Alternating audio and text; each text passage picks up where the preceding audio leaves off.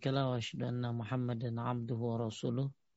Allahumma salli ala Muhammad wa ala ali Muhammad kama sallaita ala Ibrahim wa ala ali Ibrahim innaka Hamidum Majid. Allahumma barik ala Muhammad wa ala ali Muhammad kama barakta ala Ibrahim wa ala ali Ibrahim innaka Hamidum Majid. Alhamdulillah Semoga kita semuanya selalu berada dalam ridha Allah Subhanahu wa taala. Allah muliakan kita, Allah terima amalan kita. Allah hapuskan buat dosa-dosa kita yang tahun kemarin dan tahun yang akan datang dengan sebab puasa tanggal 9 kemarin. Dan mudah-mudahan amalan kita pun diterima oleh Allah di bulan Julhijjah ini, khususnya tanggal 1 sampai tanggal 10.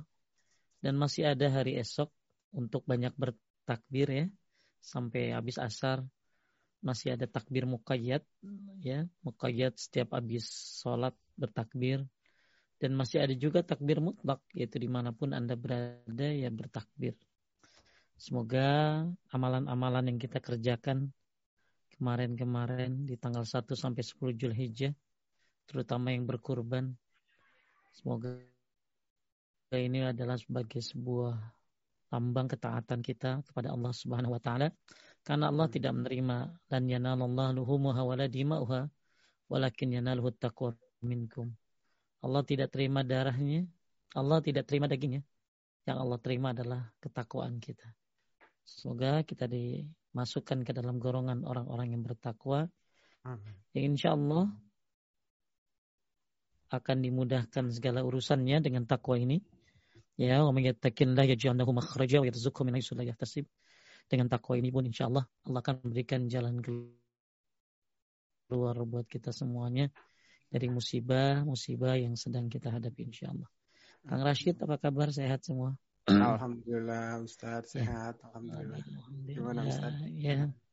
Semuanya mudah-mudahan keluarga juga sehat. Alhamdulillah. Biasalah uh, ini Alhamdulillah. Uh, Bapak Ibu sekalian kan Allah, kita masuk kepada masih bab satu. Kita akan masuk kepada pembahasan surat Al-An'am ya. Surat Al-An'am ayat 151 dan 152 ya. Insyaallah kita akan bahas juga perkataan dari Ibnu Mas'ud radhiyallahu anhu. Saya akan share screen uh, makalahnya. Mangga kan? Eh, mangga Ustaz silakan udah bisa. Mangga, udah dibuka ya? Sudah, sudah. Sudah dibuka. mangga, nun.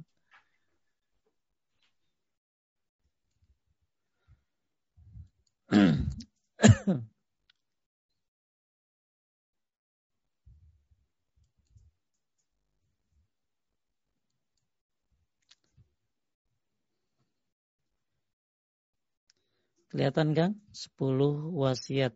Ada? Kelihatan Ustaz. 10 ya, wasiat. Kelihatan. Baik, kita akan masuk pada bab uh, bab 1 uh, ayat nomor 5 ya. ya. Dari bab pertama ini yaitu tentang 10 wasiat dan 10 wasiat ini uh, harus kita pahami benar ya karena banyak yang membaca tapi tidak memahami, uh, maka penting bagi kita untuk memahaminya dan tentu mengamalkannya. Nah, kita akan bahas uh, surat Al-An'am ayat 151 153 yang ternyata di sini ada 10 wasiat dari Allah Subhanahu wa taala. Di dalam surat Al-An'am Allah telah menyebutkan 10 wasiat agar seorang terjaga akidah atau keyakinannya dari penyimpangan dan agar terbimbing kehidupan sebuah keluarga dan masyarakat. Di sini Allah Subhanahu wa taala berfirman, A'udzubillahi minasyaitonir rajim. Qul ta'alu atlu ma harrama rabbukum 'alaikum alla tusyriku bihi syai'an wa bil walidaini ihsanan wa la taqtulu auladakum min imlakin nahnu narzukukum wala taqtulu auladakum min imlaki nahnu narzukukum wa iyahum wala taqrabul fawahisha ma dhahara minha wa ma batana wala taqtulun nafsa allati harramallah illa bil haqq zalikum wasaqum bihi la'allakum ta'qilun wala taqrabu malal yatim illa billati hiya ahsan hatta yablugha ashuddahu wa awful kayla wal mizana biqis la nukallifu nafsan illa wus'aha wa idza qultum fa'dilu walau kana za qurba wa bi ahdillahi awa awfu zalikum wasaqum bihi la'allakum tazakkarun awfu zalikum wasaqum bihi la'allakum tazakkarun fattabi'uhu wa la tattabi'u subula fatafarraqa bikum an sabilih zalikum bihi la'allakum. Ini ada tiga ayat ya. Ayat 151, ayat 153. uh, boleh Kang Rashid dibantu artinya?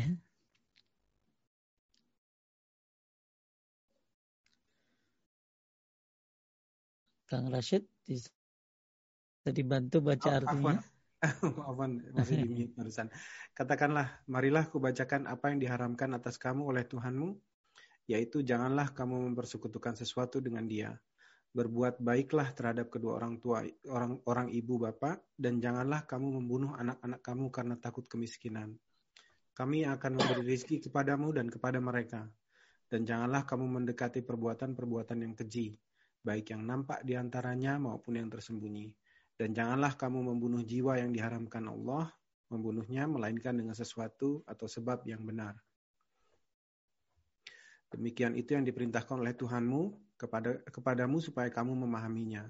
Dan janganlah kamu dekati harta anak yatim kecuali dengan cara yang lebih bermanfaat hingga hingga sampai ia dewasa.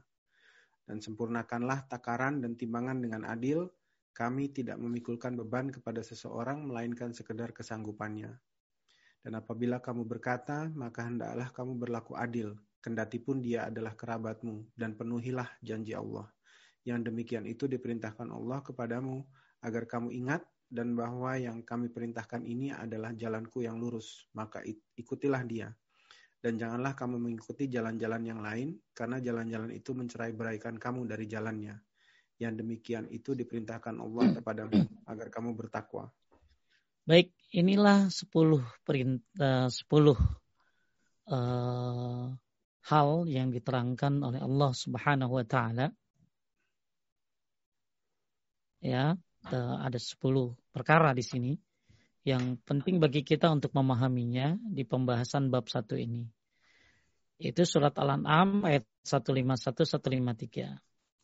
Ayat ini yang mulia ini telah dinyatakan oleh sahabat Abdullah bin Mas'ud dalam pernyataannya barang siapa yang ingin membaca lembaran Rasulullah Sallallahu Alaihi Wasallam yang ada padanya stempel beliau hendaklah membaca ayat tersebut. Maksudnya uh, kata ada ulama menyebutkan bahwa orang-orang dulu kalau mau ngirim surat ya itu setelah suratnya selesai distempel dan tidak dirubah lagi. Ya. Dan ada yang mengartikan bahwa maksud daripada kata-kata uh, Ibnu Mas'ud ini adalah bahwa wasiat ini sangat penting. Ya, wasiat ini sangat penting. Jadi kata Ibnu Mas'ud radhiyallahu an, barang siapa yang ingin membaca lembaran Rasulullah Shallallahu alaihi wasallam yang padanya ada stempel beliau, hendaklah membaca ayat-ayat tersebut yaitu Al-An'am ayat 151 153. ya. Dan kita tidak perlu ragu Ibnu Mas'ud itu siapa. Ibnu Mas'ud adalah salah satu sahabat Nabi yang mengerti dan banyak mengetahui tentang tafsir Al-Quran. Ya, uh, di samping Ibnu Abbas radhiyallahu anhu, termasuk juga Ibnu Mas'ud radhiyallahu anhu. Ya, dan Ibnu Mas'ud ini luar biasa kecintaannya kepada Al-Quran Karim. Ya, makanya banyak di dalam Al-Quran tafsir-tafsir yang bersumber dari beliau.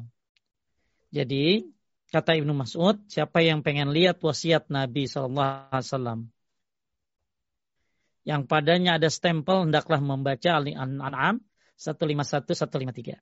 Dan yang dimaksud dengan adanya stempel beliau bahwa ayat-ayat hukum ini tetaplah tidak tetap dan tidak ada ayat yang menghapus hukum-hukumnya.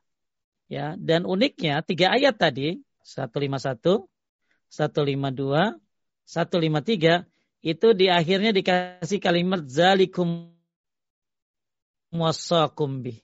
Ada kalimat ini nih. Ya, ada kalimat ini. Demikian lalu merintahkan berwasiat kepada kalian. Kita lihat ayatnya ya. Lihat. Ini ayat 1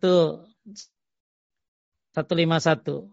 Wa taqtun nafsa allati haramallahu illa bil zalikum. Nah, ini ada lagi. Zalikum wasakum bihi la'allakum ta'qilun. Ada satu nih. Ya. Kemudian ayat selanjutnya ya. Ayat yang 152 ya. Walau kana zakum rabiyadillah afu zalika zalikum wasakum bih. Ada lagi di sini. Apanya kalimat wasakum bih ini ya. Wasakum ini adalah uh, apa yang diwasiatkan ya diwasiatkan kemudian ada lagi yang terakhir ya setelah kalimat fattabi'u wa la tattabi'u subul fatafarraqa bikum an sabili zalikum wasakum bih lagi ada sini lagi itu ya hmm. jadi di sini ya uh, apa tiga ayat ini ya disebutkan bahwa tiga ayat tersebut masing-masing darinya diakhiri dengan firman Allah, Zalikum wasakum bih. Demikianlah Allah mewasiatkan, merintahkan berwasiat kepada kalian. Ya, begitu luar biasa nih ayat ini. 151 ada kalimat wasakum bih. Kalimat 152 ada kalimat zalikum wasakum bih.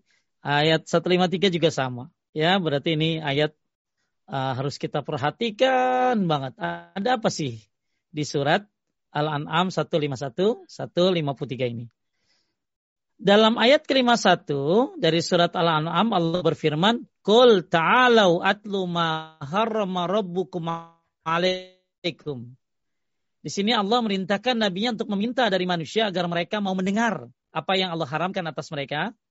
Bahwa hak untuk menghalalkan dan mengharamkan hanya milik Allah semata, bukan hak setiap orang atau tokoh agama. Ini penting ya buat kita ketahui ya. Ya nggak boleh main halal haram ya kecuali ada tuntunannya dari Allah dan Rasulnya. Jangan bilang ini haram, ya ini halal.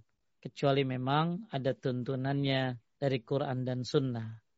Makanya di sini disebutkan bahwa hak untuk menghalalkan dan mengharamkan hanya milik Allah semata bukan milik tokoh agama, bukan milik siapa pun, ya, apalagi milik perusahaan. Makanya eh, di dalam ayat 51 ya Allah berfirman, "Qul ta'alau atlu ma harrama rabbukum 'alaikum." Ya, Allah Subhanahu wa taala ya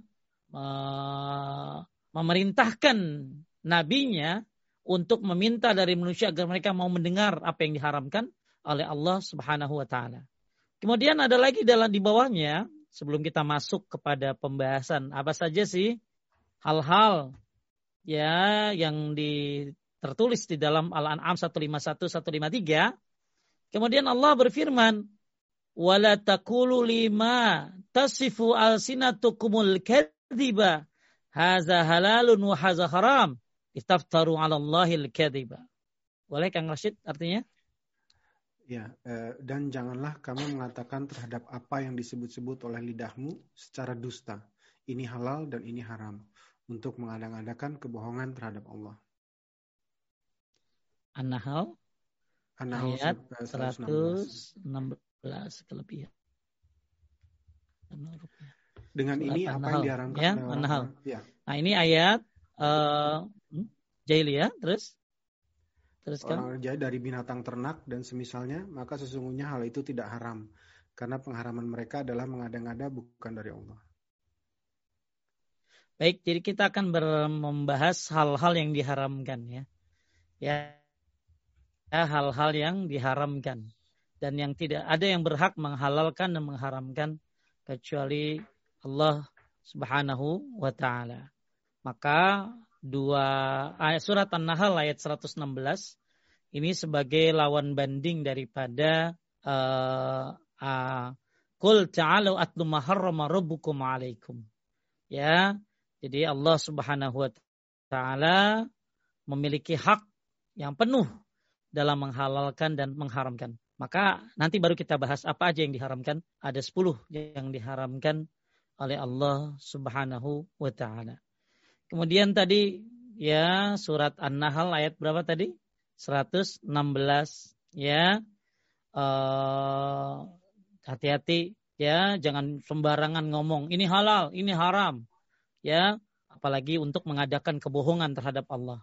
Makanya Ibnu Katsir, Ibnu Katsir Kang, Ibnu Katsir menafsirkan surat An-Nahl ayat 116 ini uh, kata beliau masuk dalam kandungan ayat ini semua yang membuat kebidahan. Ya, yang tidak ada sandarannya dalam syariat. Jadi kata beliau, Ibnu Katsir, mazhab Syafi'i, tatkala menafsirkan surat An-Nahl ayat 116, beliau mengatakan ya sebelum kita berbicara tentang yang haram apa aja ya di surat Al-An'am ayat 151 sampai 53 sebelumnya kita harus tahu dulu hak siapa sih menghalalkan dan mengharamkan.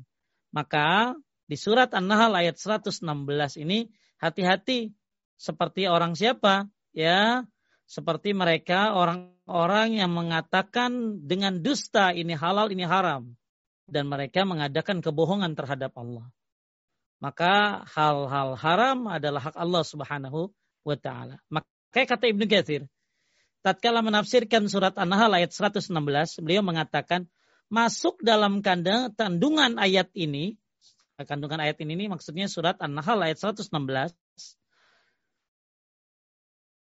semua yang membuat kebidahan yang tidak ada sandarannya dalam syariat. Nah, dan yang menghalalkan yang haram dan yang mengharamkan yang halal dengan akalnya dan selera nafsunya. Hati-hati ya halal haram jangan pakai akal ya tapi pakai wahyu. Ya, ya. Jadi kata Ibnu Katsir semua termasuk hal yang bid'ah yang tidak ada sandarannya dalam syariat ya dan mereka yang suka mengharalkan yang haram dengan alasan akalnya dan alasan nafsunya. Kemudian kata Syekh Amin As-Sinkiti menafsirkan surat An-Nahl ayat 116 kata beliau, Salafus saleh, para salafus saleh sangat berhati-hati dari ucapan ini halal dan yang ini haram. Coba Kang. Jadi orang-orang dulu ya kalau ngomong ini halal, ini haram tuh hati-hati banget ya. Ini halal, ini haram. Ya, kalau kita mah halal udah, eh Kagak ada tulisannya halal. Udah bismillah aja bismillah dah. Ya. Lu kira yang haram jadi halal. Gara-gara ya, ya kan harus lihat dulu halal haram ini ya. ya ada nggak dalilnya gitu lah ya. Jadi kata Syekh Asin Kiti, para salafus salih dulu sangat berhati-hati dalam ucapan apa? Ini halal, ini haram, mereka sangat hati-hati. Kenapa? Karena takut mereka akan kandungan ayat ini. Ayat ini, ini surat apa Kang? An-Nahl 116. Ya, jadi mereka takut kalau ngomong halal haram tuh benar-benar harus pakai pertimbangan. Karena takut dalam uh, kandungan ayat An-Nahl ayat 116 ini. Ya, uh, Al-Qurtubi rahimahullah berkata, Al-Imam Abu Muhammad Ad-Darimi dalam ustadznya berkata telah mengabarkan kepada kami Harun dari Hafaz al-Amas, aku tidak pernah mendengar Ibrahim berkata ini halal dan ini haram. Tapi mereka berkata, mereka membencinya, mereka menyatakan sunnahnya. Jadi saking takutnya ngomong halal haram, bilangnya apa? Mereka membencinya. mereka membencinya. Uh, ini ini ini sunnahnya gitu loh ya. Ya ini uh, prolog tentang masalah halal dan haram. Karena kita akan membahas wasiat Allah Subhanahu wa taala dalam surat Al-An'am yang berkaitan dengan hal-hal yang diharamkan oleh Allah ya. Uh, maka di sini Allah memul uh, Allah Subhanahu wa taala berfirman kul ta'alu atum rabbukum alaikum ya. Sebagaimana juga surat An-Nahl ayat 116 baik apa aja sih 10 wasiat yang berkaitan dengan yang diharamkan oleh Allah? Boleh Kang wasiat pertama? Wasiat pertama untuk tidak menyentuhkan Allah, berbuat syirik. Ah, Karena kesyirikan, ya. ya. Lanjut. Kang. Ya, karena kesyirikan adalah pokok pokok segala yang diharamkan dan induk segala dosa. Lanjut. Berkata sahabat Ibnu Ibnu Mas'ud, aku bertanya kepada Rasulullah Shallallahu Alaihi Wasallam tentang dosa apa yang paling besar. Beliau menjawab, kamu menjadikan sekutu bagi Allah padahal Dia yang menciptakanmu. Antaj'alallah niddan wa huwa khalaqaka. Jadi yang pertama, yang pertama kan ya pertama kali nih nggak ada syirik ditaruh nomor tiga kagak pernah. Syirik ditaruh nomor dua kali kagak pernah. Syirik ditaruh selalu nomor satu dosa besar paling besar, kezoliman paling besar, akbarul kabair. Ya, jadi yang diharamkan ada sepuluh. Ya, dan yang mengharamkan syirik bukan kita. Ya, bukan ustadz-ustadz, bukan. Yang mengharamkan syirik adalah Allah subhanahu wa ta'ala. Ya, ya makanya Kenapa syirik nomor satu? Karena dia adalah pokok segala yang diharamkan dan induk segala dosa. Saya ulangi. Kenapa syirik nomor satu? Karena dia pokok segala yang diharamkan dan induk segala dosa. Itu syirik nomor satu. Bahkan Ibnu Qayyim Al-Jauziyah menyebutkan salah satu tujuh godaan setan nomor satu, setan menggoda manusia untuk syirik dulu. Setelah dia syirik nggak digoda lagi.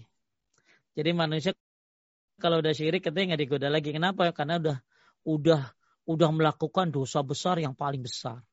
Makanya kata Ibnu Mas'ud, ya, dia bertanya kepada Nabi tentang dosa yang paling besar, yaitu kamu menjadikannya sekutu bagi Allah padahal dia menciptakanmu. Bayangin ya, kurang hmm. ajar banget ya orang ya. Ya astagfirullah wa Udah diciptain, udah diciptain lah dia menantang. Dia menyekutukan Allah. Ya, dia berasal dari air mani, ya air mani. Kemudian berani menantang Rob semesta alam. Masya Allah. Ya, nah, inilah manusia. Makanya kita belajar tauhid. Bentuk jadi orang belajar tauhid itu kayak orang bersyukur sama Allah. Kenapa? Karena Allah menciptakan kita. Ya, karena Allah Subhanahu wa taala memberikan kita banyak sekali kemuliaan. Ya, maka akhirnya kita bagaimana cara membalasnya? Wa in ta'uddu ni'matallahi la tuhsuha.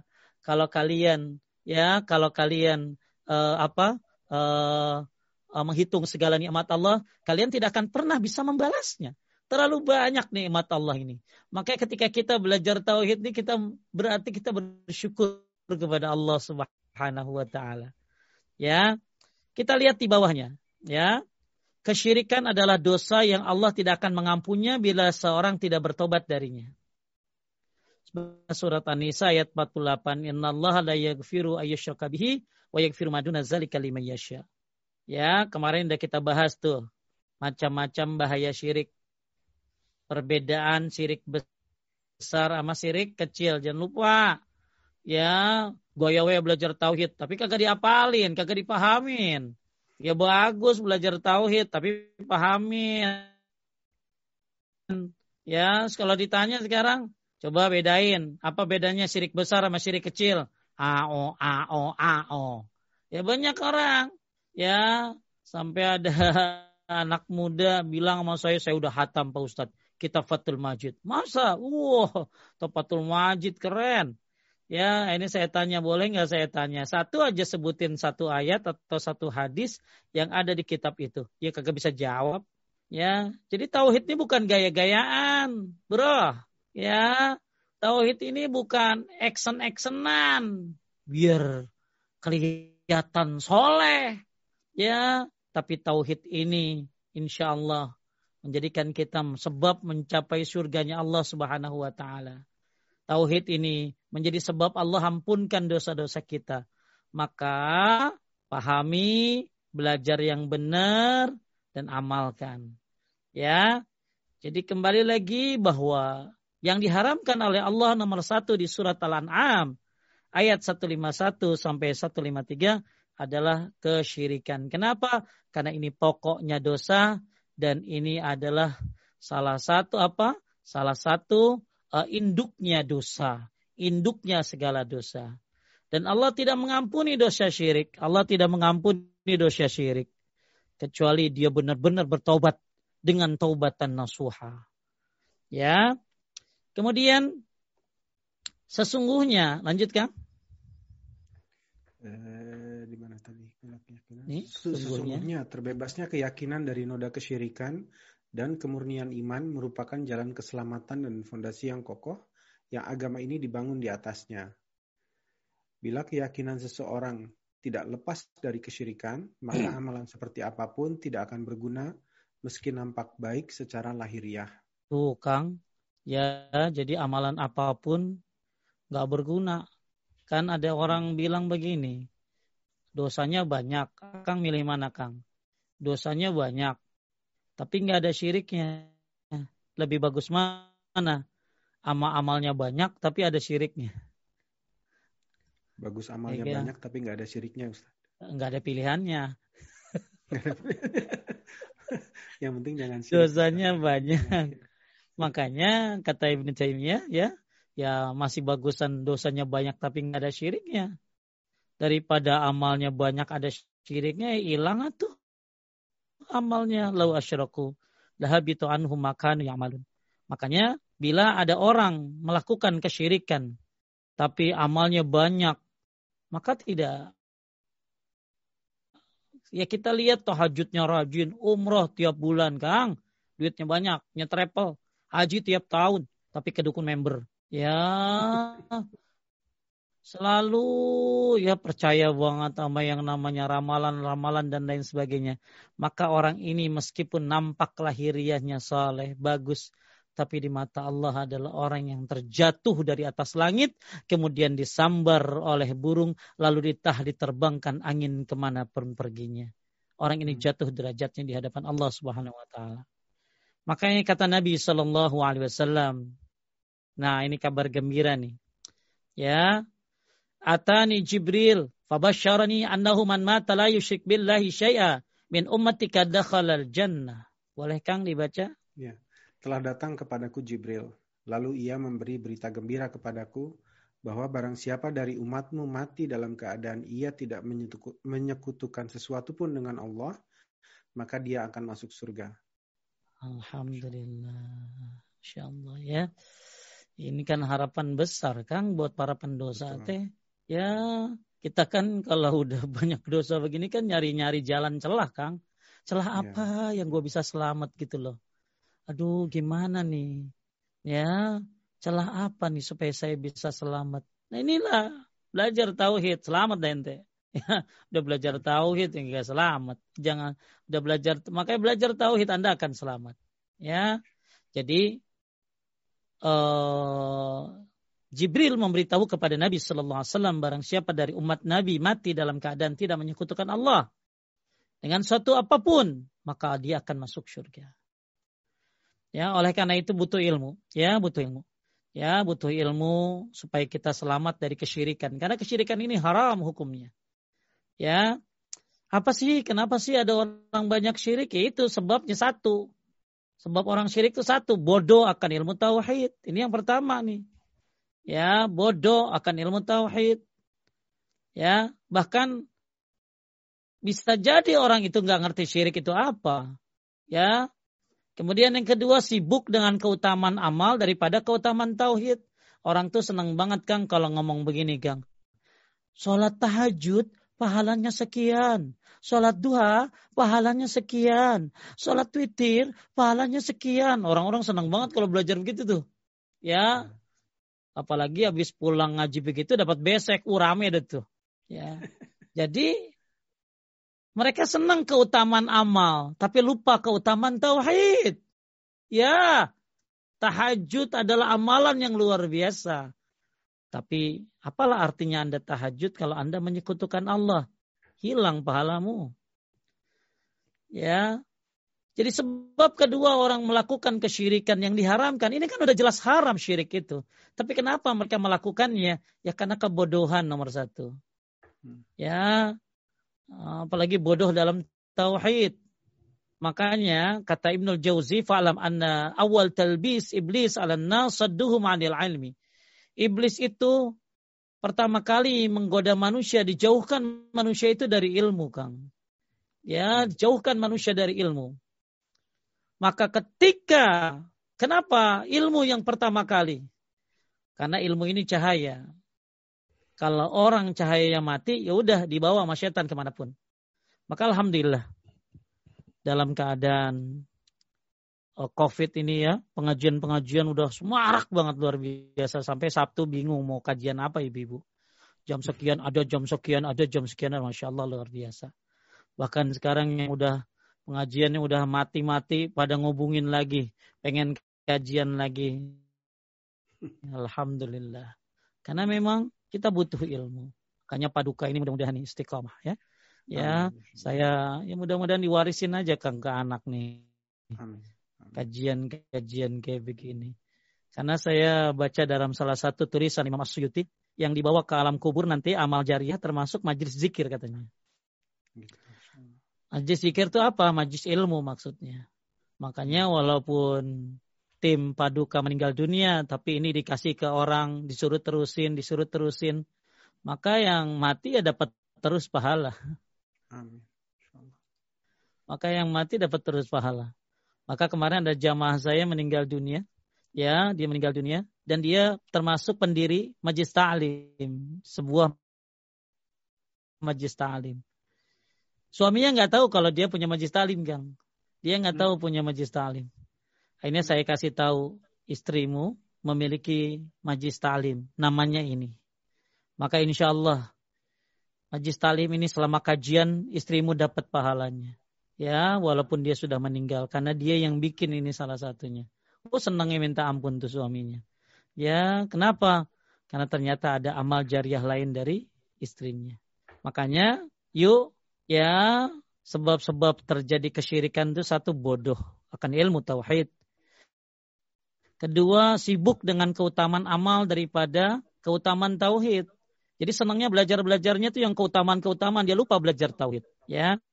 Kemudian nomor tiga, kenapa orang banyak melakukan kesyirikan? Padahal kesyirikan ini diharamkan oleh Allah. Adanya orang-orang yang menghina ulama-ulama yang mengajarkan tauhid, Kang. Jadi orang-orang yang ngajarin tauhid ini nggak lepas dari hinaan. Dianggapnya ekstrim, boro-boro ekstrim. Demo aja kagak boleh. Ya dianggapnya wah ini fanatik.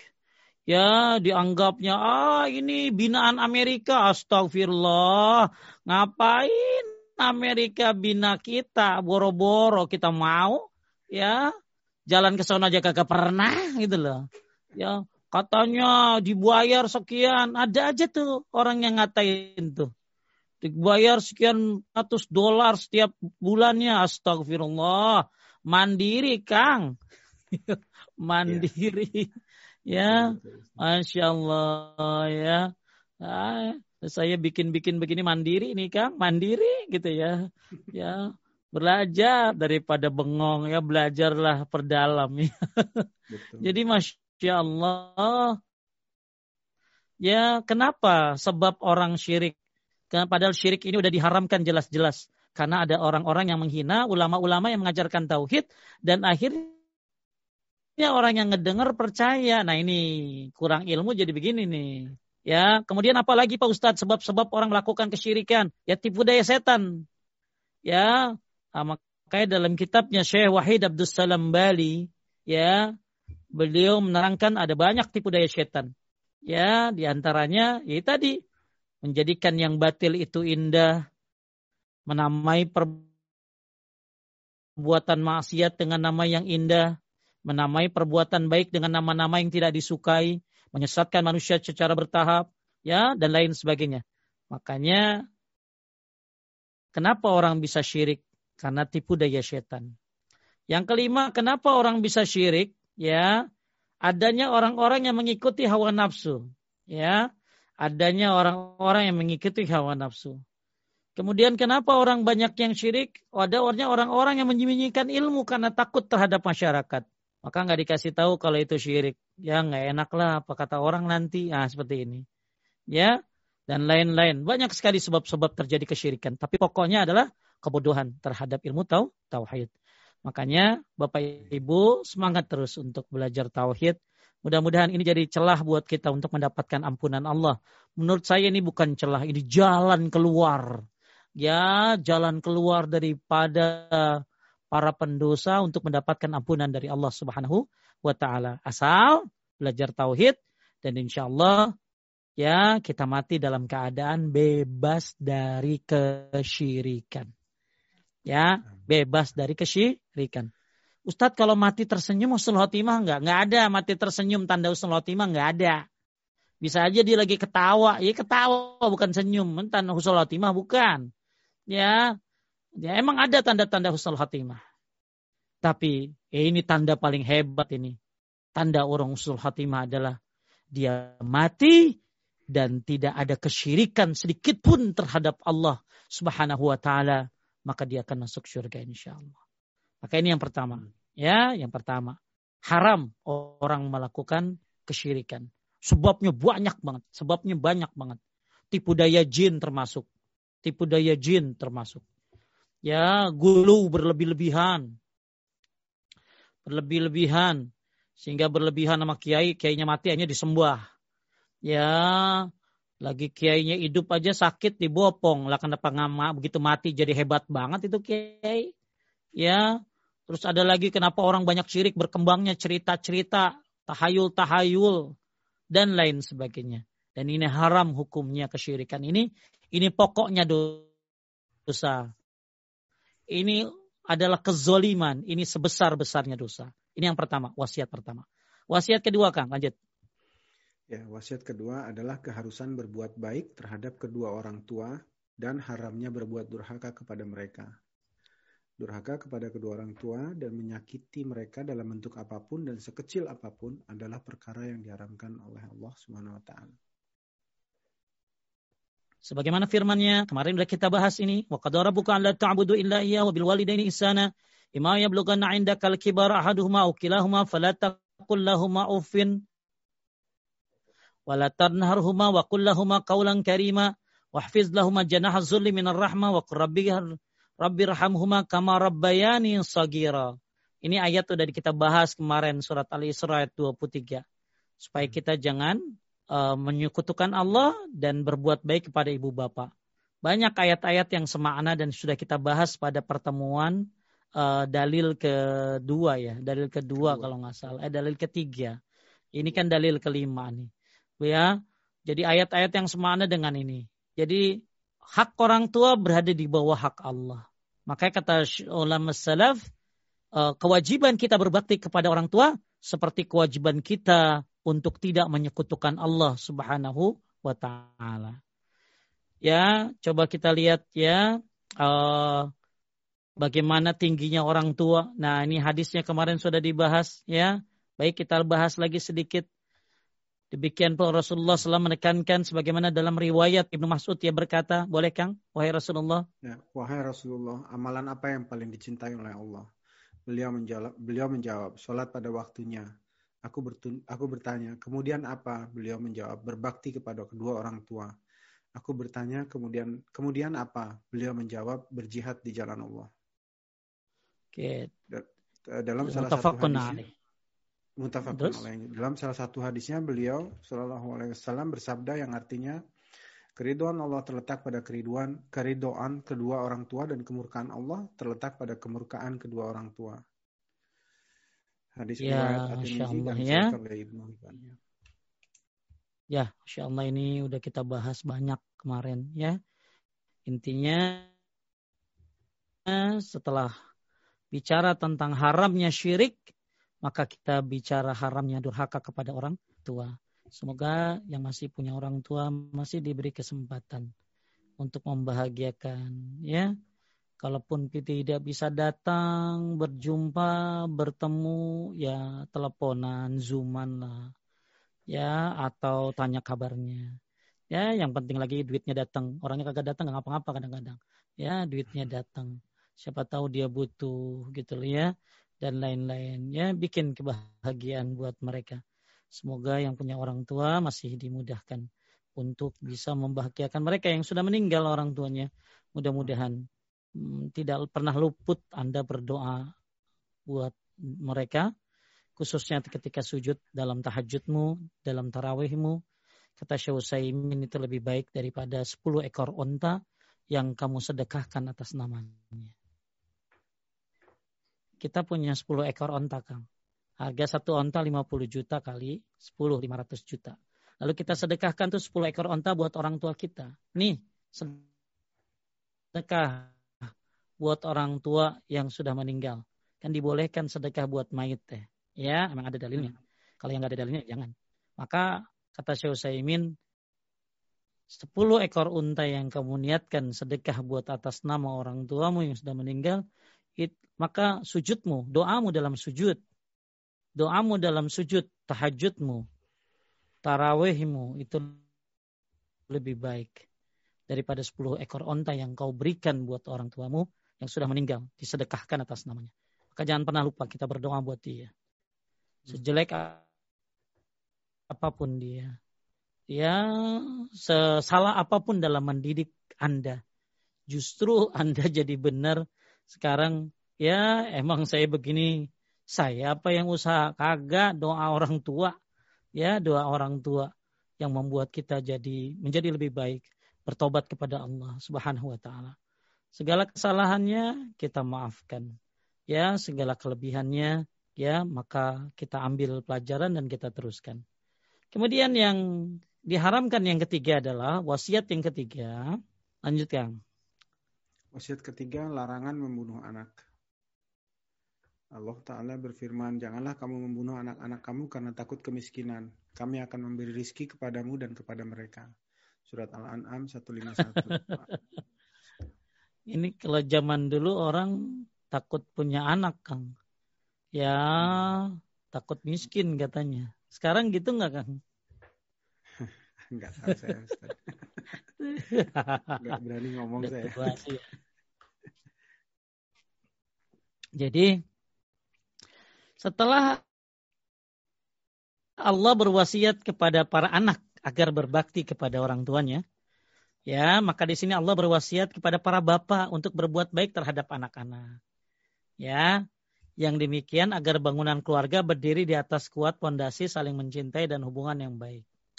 Ya, nah ini uh, intinya seorang bapak bagus memberi contoh dan lain sebagainya. Ya. Uh, bagaimana caranya? Bahkan Kang, ada seorang bapak bilang begini sama anaknya. Bapak tuh udah doain kamu sebelum kamu lahir. Bapak tuh udah doain kamu sebelum kamu ada. Hebat banget ya, ada bapak-bapak doain anaknya padahal dia belum belum punya anak, belum lahir anaknya, tapi udah doain anaknya. Anaknya nanya, bagaimana caranya doain anak yang belum ada? Ya, Bapak memilih seorang istri yang solehah. Ini adalah bentuk doa supaya kamu menjadi anak yang soleh. Nah, makanya ketika dipilih dalam sebuah pasangan, yang dipilih ya bukan hanya cantiknya, yang utama adalah agak agamanya. Ya, makanya gimana sih partisipasi ibu-ibu supaya Islam ini maju, Islam ini hebat, Islam ini ya sudah mulia, maka berkembang ya, maka ibu mendidik anak-anaknya menjadi anak yang saleh adalah bagian daripada berjuang untuk agama ini. Makanya ibu-ibu ya, ya bapak-bapak kan nyari nafkah kadang-kadang ya maka sulit untuk kajian. Maka alhamdulillah ada banyak waktu sekarang di work from home ya. Maka didiklah anak-anakmu, jagalah dirimu dan keluargamu dari api neraka. Ku anfusakum wa ahlikum nar. Wahai para bapak, jagalah dirimu dan keluargamu dari api neraka. Yang bahan bakarnya itu apa? Ya, yang bahan bakarnya itu manusia dan batu. Maka jagalah anak-anak kita dari api neraka dengan cara apa mengajarinya ilmu syariat. Mengajarinya kewajiban-kewajiban, larangan-larangan. maka ini adalah tugas seorang ayah sebenarnya. Tapi ternyata ayahnya nggak begitu. Suaminya rada-rada eo, ya, rada error. Jadi gimana Pak Ustadz? Kita delete aja tuh laki. Ya jangan atuh. Ya, maka ketika suamimu tidak menjadi seorang suami yang baik, yang mengajarkan kepada anak-anaknya akhlak yang baik, ternyata tidak seperti itu, ya maka ambil alih lah.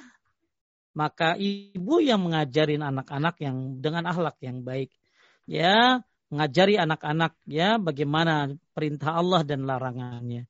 Jadi uh, Bapak Ibu sekalian yang dimuliakan oleh Allah Subhanahu wa taala, jangan membunuh anak karena takut kemiskinan. Ini haram hukumnya. Ya, uh, dulu Kang ada kisah di Indonesia ada ibu-ibu bunuh berapa orang anaknya karena takut masa depan anaknya kan.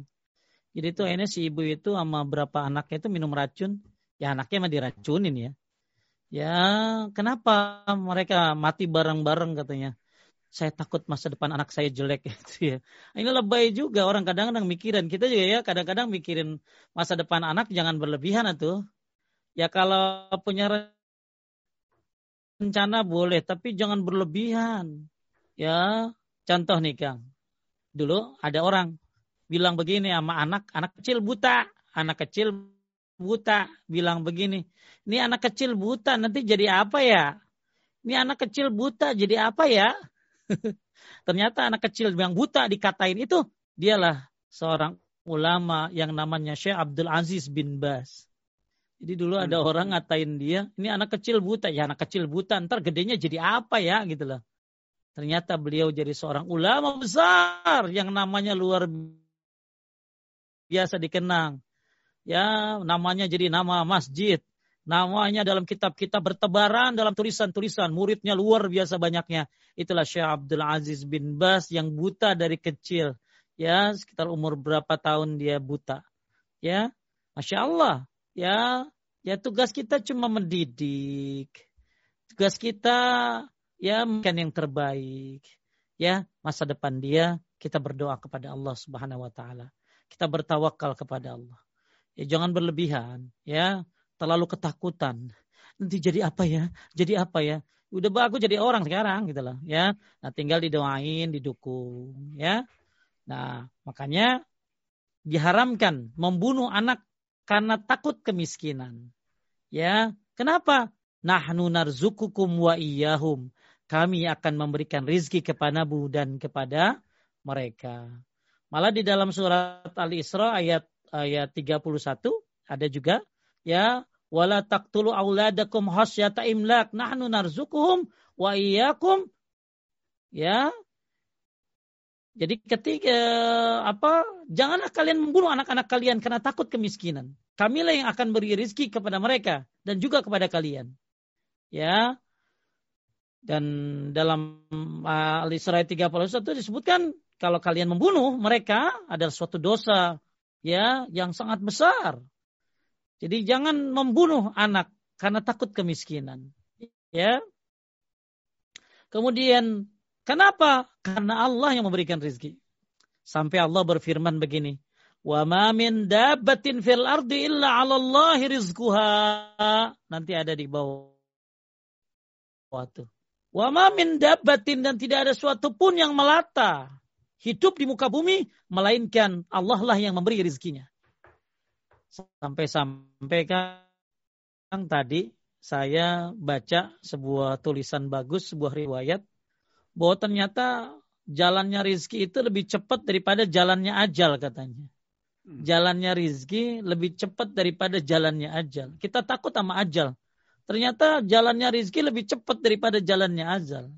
Bahkan seorang tidak akan meninggal sebelum rizkinya sempurna. Maka ya jangan terlalu berlebihan. Belum tentu loh orang tuanya kaya raya.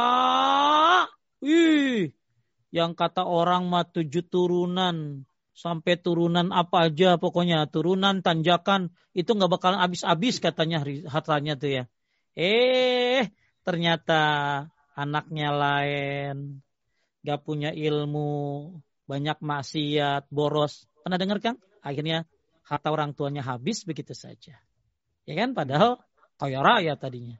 Betul. Ada tapi miskin ibunya. Gak punya suami. Anaknya banyak. Tapi Masya Allah sekarang anaknya sukses-sukses, soleh-soleh. Tuh. Ya hidup mah ya jalanin aja. Ya dengan tauhid, dengan menjalankan perintah-perintah Allah pokoknya. Ya sambil kita bertawakal kepada Allah Subhanahu wa taala. Makanya tujuan belajar tauhid termasuk adalah orang yang belajar tauhid akan makin yakin, makin tawakal kepada Allah Subhanahu wa taala tentu dengan juga menjalankan sebab-sebabnya. Jadi uh, tidak ada apa pun yang melata di muka bumi ini selain Allah yang memberikan rizkinya. Ya, kata Imam Abduhak termasuk ayat ini adalah juga manusia yang mendapatkan sudah digariskan oleh Allah Subhanahu wa taala tentang rizkinya. Maka jangan kita bunuh anak-anak karena takut kemiskinan. Ya. Kita lihat di bawahnya ya, ada Nabi wasallam bersabda, "Kafa bil mar'i isman yakut." Cukup seorang dikatakan melakukan dosa bila menyia-nyiakan orang menjadi tanggungannya. Hati-hati. Makanya tanggungan kita, anak, istri, ya ya dosa tuh kalau kita sia-siakan. Ya, jadi yang pertama kali harus bahagia, ya harus bercukupi adalah keluarganya.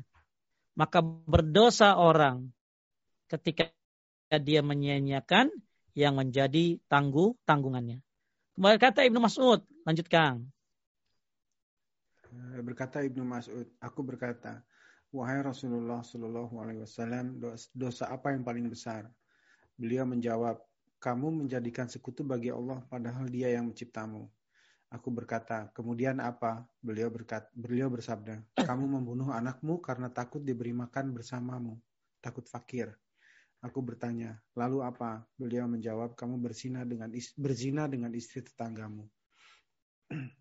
Ya, ini dosa besar yang paling besar ya berzina dengan istri tetangga astagfirullah ya ini kali sepuluh nih Kang dosanya nih. Jadi Bapak Ibu sekali menaikkan Allah kita lagi bahas hal yang diharamkan Allah adalah membunuh anak. Membunuh anak karena takut miskin. Ya takut miskin. Jangan. Ya Allah yang ngasih rizkinya ya makanya eh, hati-hati uh, ya tanggungan kita kita selesaikan. Buat para laki tentunya ya. Para kesatria para suami yang mencari nafkah. Hati-hati anda berdosa kalau menyanyiakan orang yang menjadi tanggungan anda yaitu anak dan istri. Bahkan tadi membunuh anak karena takut makan bersamamu. Lalu Rasulullah SAW membaca walladzina yad'u Allah ilan akhar wa la taqtulun nafs allati illa bil haqq wa la yaznun wa yaf'al zalika yalqa sama yudha'af lahul adabu yaumal qiyamah wa yahlud fihi muhana. Artinya kan? Dan orang-orang yang tidak menyembah Tuhan yang lain beserta, beserta Allah dan tidak membunuh jiwa yang diharamkan Allah membunuhnya kecuali dengan alasan yang benar dan tidak berzina barang siapa yang melakukan demikian itu niscaya dia mendapat pembalasan dosanya yakni akan dilipat gandakan azab untuknya pada hari kiamat dan dia akan kekal dalam azab itu dalam keadaan terhina. Baik, membunuh anak dalam bentuk apa pun diharamkan. Kenapa? Menjelaskan tentang kebiasaan orang jahiliyah dulu di mana mereka membunuh anak-anak mereka dikarenakan fakir. Sebagaimana disebutkan dalam surat yang lain bahwa orang-orang jahiliyah juga membunuh anak mereka karena khawatir terhadap masa depan yang sulit dan fakir. Masya Allah. Jadi orang-orang dulu ya, orang-orang jahiliyah ya, ya takut punya anak, takut nanti miskin, maka dibunuhlah anaknya ya kemudian takut masa depannya juga sulit ya. Um, dibunuh juga. Ya masya Allah. Berapa hari yang lalu saya lihat di sebuah medsos seorang ibu menemukan anak di di mana ya di comberan atau di apa. Ya pokoknya anaknya udah penuh di udah banyak apa kayak semut gitu ya. Masih masih hidup ternyata dibuang. Dia dibuang astagfirullah boleh ya dibuang anak itu masih kecil masih bayi dibuang ya uh, alhamdulillah diselamatkan oleh warga kok ada ya orang seperti itu? Nauzubillah. Ya ini tradisi orang jahiliyah yang takut. Ya takut apa? Takut masa depannya sulit anaknya ah, salah. Ya tugas kita mah didik doang. Kita jalanin aja nyari rezeki. Ya Allah punya punya apa ya punya kehendaknya dan masing-masing ya sudah digariskan rizkinya dan Allah lah yang menanggung rizki mereka. Ya. Nah ini ada lagi di tadi surat Al-Isra ayat 31 ya. Wala taqtul imlak nahnu narzuquhum wa iyyakum. Jangan membunuh anakmu karena takut kemiskinan. Ada lagi di dalam surat At-Takwir ayat 8 sampai 19. Wa izal mau'udatu su'ilat bi ayyi zambing kutilat. Ya, apabila bayi-bayi perempuan yang dikubur hidup-hidup ditanya karena dosa apakah dia dibunuh. Ya, padahal masya Allah, ya yang namanya anak cucu itu nikmat kan. Anak cucu adalah nih nikmat dari Allah. Ya, jadi jangan kau bunuh mereka. Mereka adalah nikmat yang Allah berikan kepada dirimu. Kita lihat ayatnya. Kalau anak dan cucu itu adalah nikmat. Wallahu ja'ala lakum min anfusikum azwajan wa ja'ala lakum min azwajikum ya. Wa ja'ala lakum min azwajikum banina wa haf wa hafadatan wa razaqakum min at-tayyibat. Afa bil batil yu'minun wa bi ni'matillahi hum yakfurun. Artinya kan Allah menjadikan bagi kamu istri-istri dari jenis kamu sendiri dan menjadikan bagimu dari istri-istri kamu itu. Anak-anak dan cucu-cucu dan memberimu rizki dari yang baik-baik. Maka mengapakah mereka beriman kepada yang batil dan mengingkari nikmat Allah? Uh, maksudnya apa? Bahwa istri, anak-anak, cucu itu adalah nikmat dari Allah Subhanahu wa taala. Ya, ini uh, tadi ayat yang saya baca nih, Hud ayat 6. Wa ma min dabbatin fil ardi illa Allah 'alallahi rizquha. Tidak suatu binatang yang melata pun di bumi melainkan Allah rezekinya. Ya, itu binatang melata, Kang. Ya, yang kagak punya akal, punya pikiran kali ya. Kita insya Allah, ya makhluk mulia. Pasti Allah sudah siapkan rezekinya. Kemudian juga ya di sini disebutkan bahwa sungguhnya Ruhul Kudus Jibril telah niat pada hatiku bahwa suatu jiwa tidak akan mati sampai sempurna ajalnya dan mengambil rezekinya secara penuh. Inilah Bapak Ibu sekalian hal yang diharamkan oleh Allah. Poin yang ketiga yaitu membunuh anak karena takut kemiskinan. Ya, itu tradisi jahiliyah yang ternyata masih ada sekarang. Ya, masih ada sekarang. Kemudian wasiat keempat, lanjutkan. Wasiat, wasiat keempat, larangan mendekati perbuatan keji seperti zina baik yang nampak atau tersembunyi. Wasiat yang mulia ini tentunya memiliki tujuan agar masyarakat muslim itu bersih dari kebobrokan moral dan kekejian. Supaya menjadi sebuah masyarakat yang bersih di luar, luar dalamnya. Dan kekejian yang dimaksud adalah dosa-dosa besar. Namun bisa dimaksudkan di sini secara lebih khusus adalah perbuatan zina. Al-Quran Al-Karim telah menyebutkan tentang haramnya perbuatan-perbuatan keji secara berulang-ulang baik yang nampak ataupun tersembunyi. Allah Ta'ala berfirman, Allah Ta'ala berfirman, katakanlah Tuhanku yang hanya mengharamkan perbuatan yang keji, baik yang nampak ataupun yang tersembunyi, dan perbuatan dosa, melanggar hak manusia tanpa alasan yang benar, mengharamkan mempersekutukan Allah dengan sesuatu yang Allah tidak menurunkan hujah untuk itu, dan mengharamkan mengada-ngadakan terhadap Allah apa yang tidak kamu ketahui. Baik, di sini Allah Subhanahu wa taala melarang hambanya untuk melakukan perbuatan keji. Jadi di keji di sini bisa berarti dosa-dosa besar kan? Ya, atau lebih spesifik zina. Lebih spesifik zina. Ya, jadi Allah mengharamkan perbuatan keji. Ya, apa tuh contohnya? Zina salah satunya. Ya, makanya Allah Subhanahu wa taala berfirman wala taqrabuz zina innahu kana fahishatan wa sa'a sabila. Janganlah kalian mendekati zina. Tuh deketin aja kagak boleh. deketin aja nggak hmm. boleh. apalagi ya sampai melakukannya. Bahkan uh, ya disebutkan dalam sebuah hadis ya uh, apabila seorang hamba berzina keluarlah iman. Ya keluarlah iman. Ya jadi kalau orang berzina itu kan imannya ke atas kan keluar dari tubuhnya. Hmm. ya. Ya uh, ada yang bilang bahwa ya lalu iman itu berada di atas kepalanya seperti naungan. Maka apabila dia telah bertobat kembali lagi iman itu padanya. Di sini sahih diriwayatkan oleh Abu Daud dari jalan Abu Hurairah jadi ada yang menyebutkan ya uh, apabila seorang hamba berzina keluarlah imannya ya jadi uh, imannya keluar tuh hmm. ada yang menyebutkan imannya itu di atas kepalanya seperti naungan.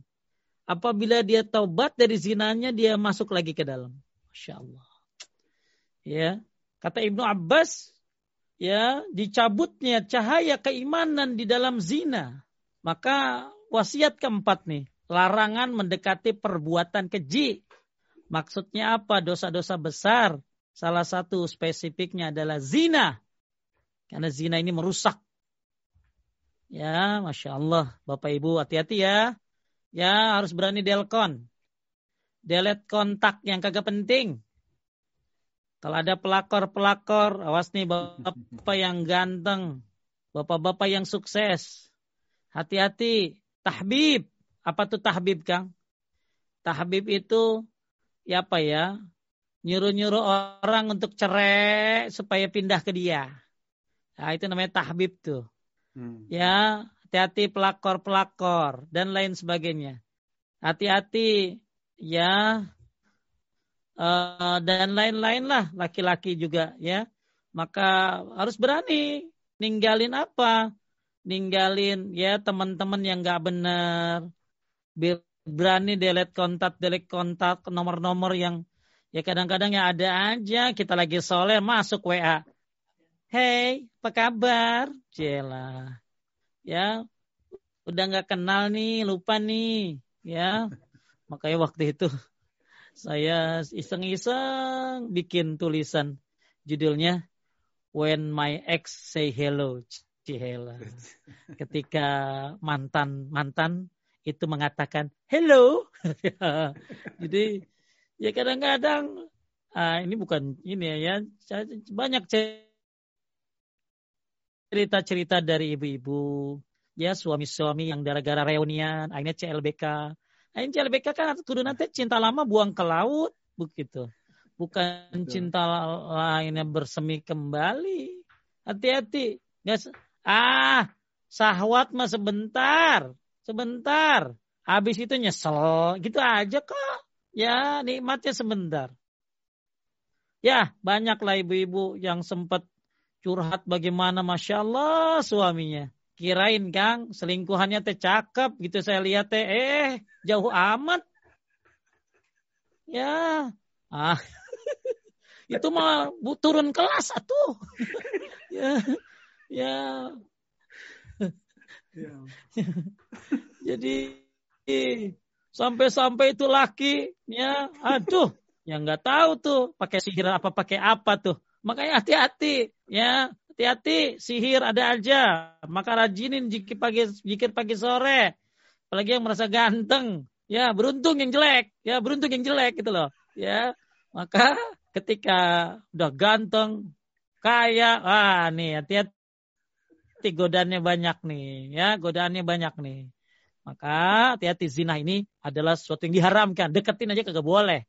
Ya, apalagi sampai melakukannya.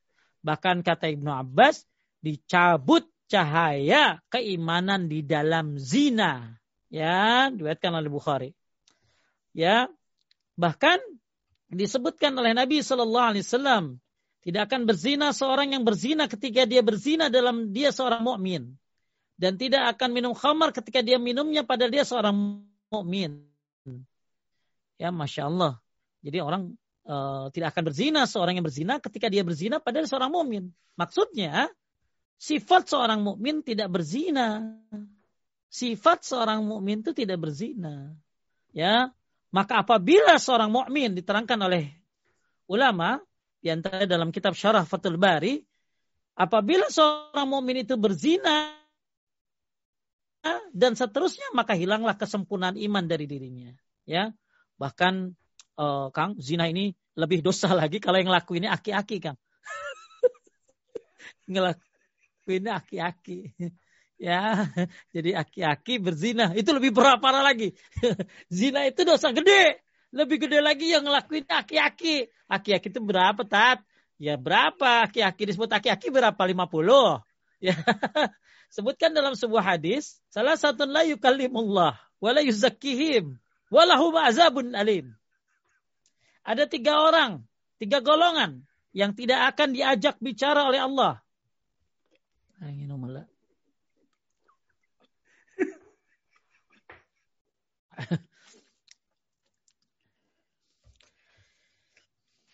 Ada tiga golongan yang tidak akan diajak bicara oleh Allah. Ya, dan tidak akan disucikan oleh Allah. Dan Allah tidak akan melihat kepada mereka dan baginya siksa yang pedih. Apa tuh? Syekhun zanin. Orang tua yang berzina. Orang tua yang berzina. Hati-hati orang tua berzina. Udah tua. Eh, mending kuat sih ya. Ya, ya boro-boro malah sakaratul maut. Belaga-belaga sih udah tua masjid. Masjid udah tua mainannya. Nah, udah tua ke diskotik. Satu masuk angin. Ya. ya, belum lagi dia diporotin. Eh, nauzubillah kalau sampai terjadi perzinahan. Ya kenapa? Kok ada emang tat orang tua begitu? Ya ada pergaulan temennya. Makanya kalau udah merasa tua, jangan merasa, jangan jangan sungkan-sungkan, singkirkan teman-teman yang jelek. Ya, apalagi dia udah mengaku tobat. Kenapa? Saya sampai heran ya, sampai heran. Ada seorang ibu-ibu cerita sama saya. Ya, bahwa yang nyuruh ke diskotik itu orang tuanya gitu loh. Jadi si anaknya itu selingkuh, terus diajak ke diskotik sama bapaknya, bapaknya ngajakin anaknya ke diskotik coba. Kan edan bapak kayak begitu. Ya. Maka zina ini dosa besar. Haram hukumnya. Yang diwasiatkan poin keempat ini adalah dosa besar termasuk zina. Maka imannya keluar dari tubuhnya berarti seorang mukmin tidak sempurna imannya kalau dia berzina. Bahkan dosa zina ini akan lebih besar ketika dilakukan oleh orang tua. Ya, bahkan lebih besar lagi apabila dilakukan oleh tetangga, Kang. Sama tetangga. Zina sama tetangga. Ya, sama yang jauh kagak laku sama tetangga.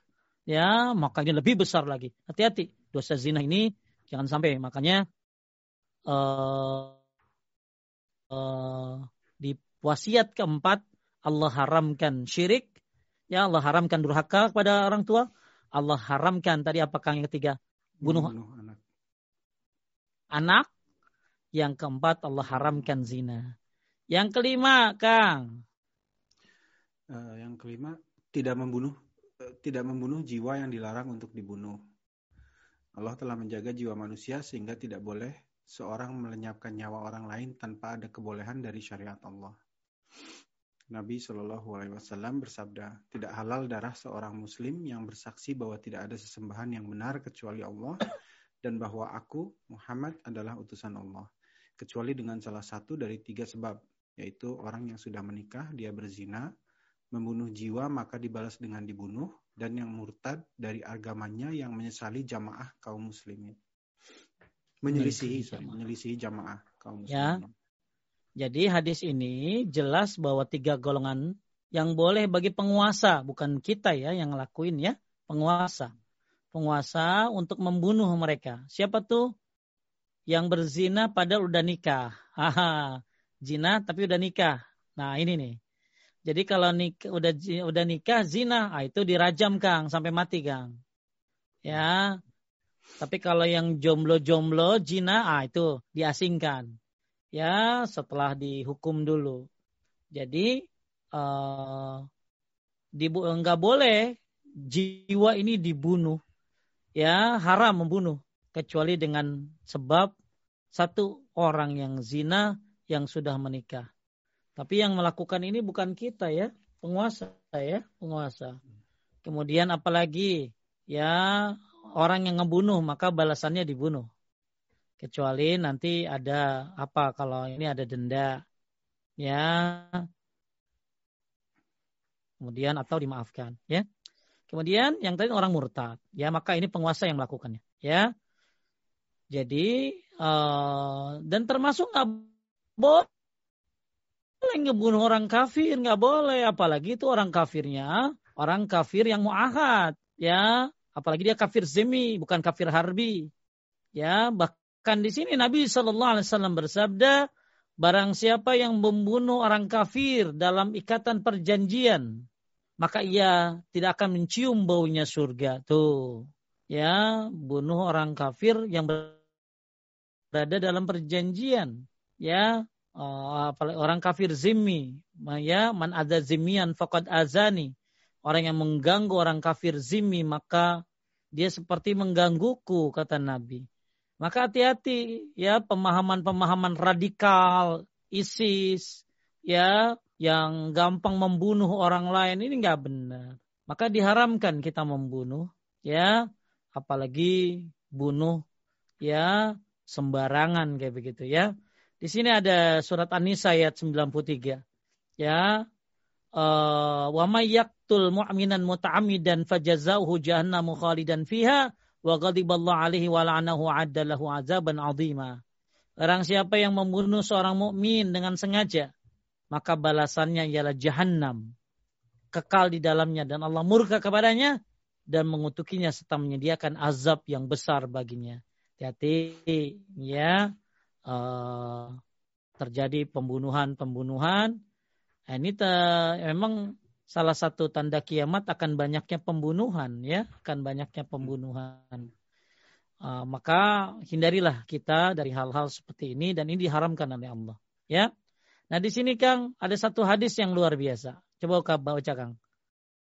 Nabi eh, Nabi, Salam ya, bersabda. Nabi Sallallahu juga bersabda, bersabda dalam suatu hadisnya yang artinya lenyapnya dunia lebih ringan menurut Allah ketimbang membunuh seorang mukmin tanpa hak. Tuh, lenyapnya dunia lebih ringan menurut Allah ketimbang seorang mukmin yang dibunuh tanpa hak. Ya, jadi ada orang Islam dibunuh, mukmin dibunuh tanpa hak. Maka ini lenyapnya dunia lebih ringan bagi Allah ketimbang terbunuhnya seorang mukmin tanpa hak.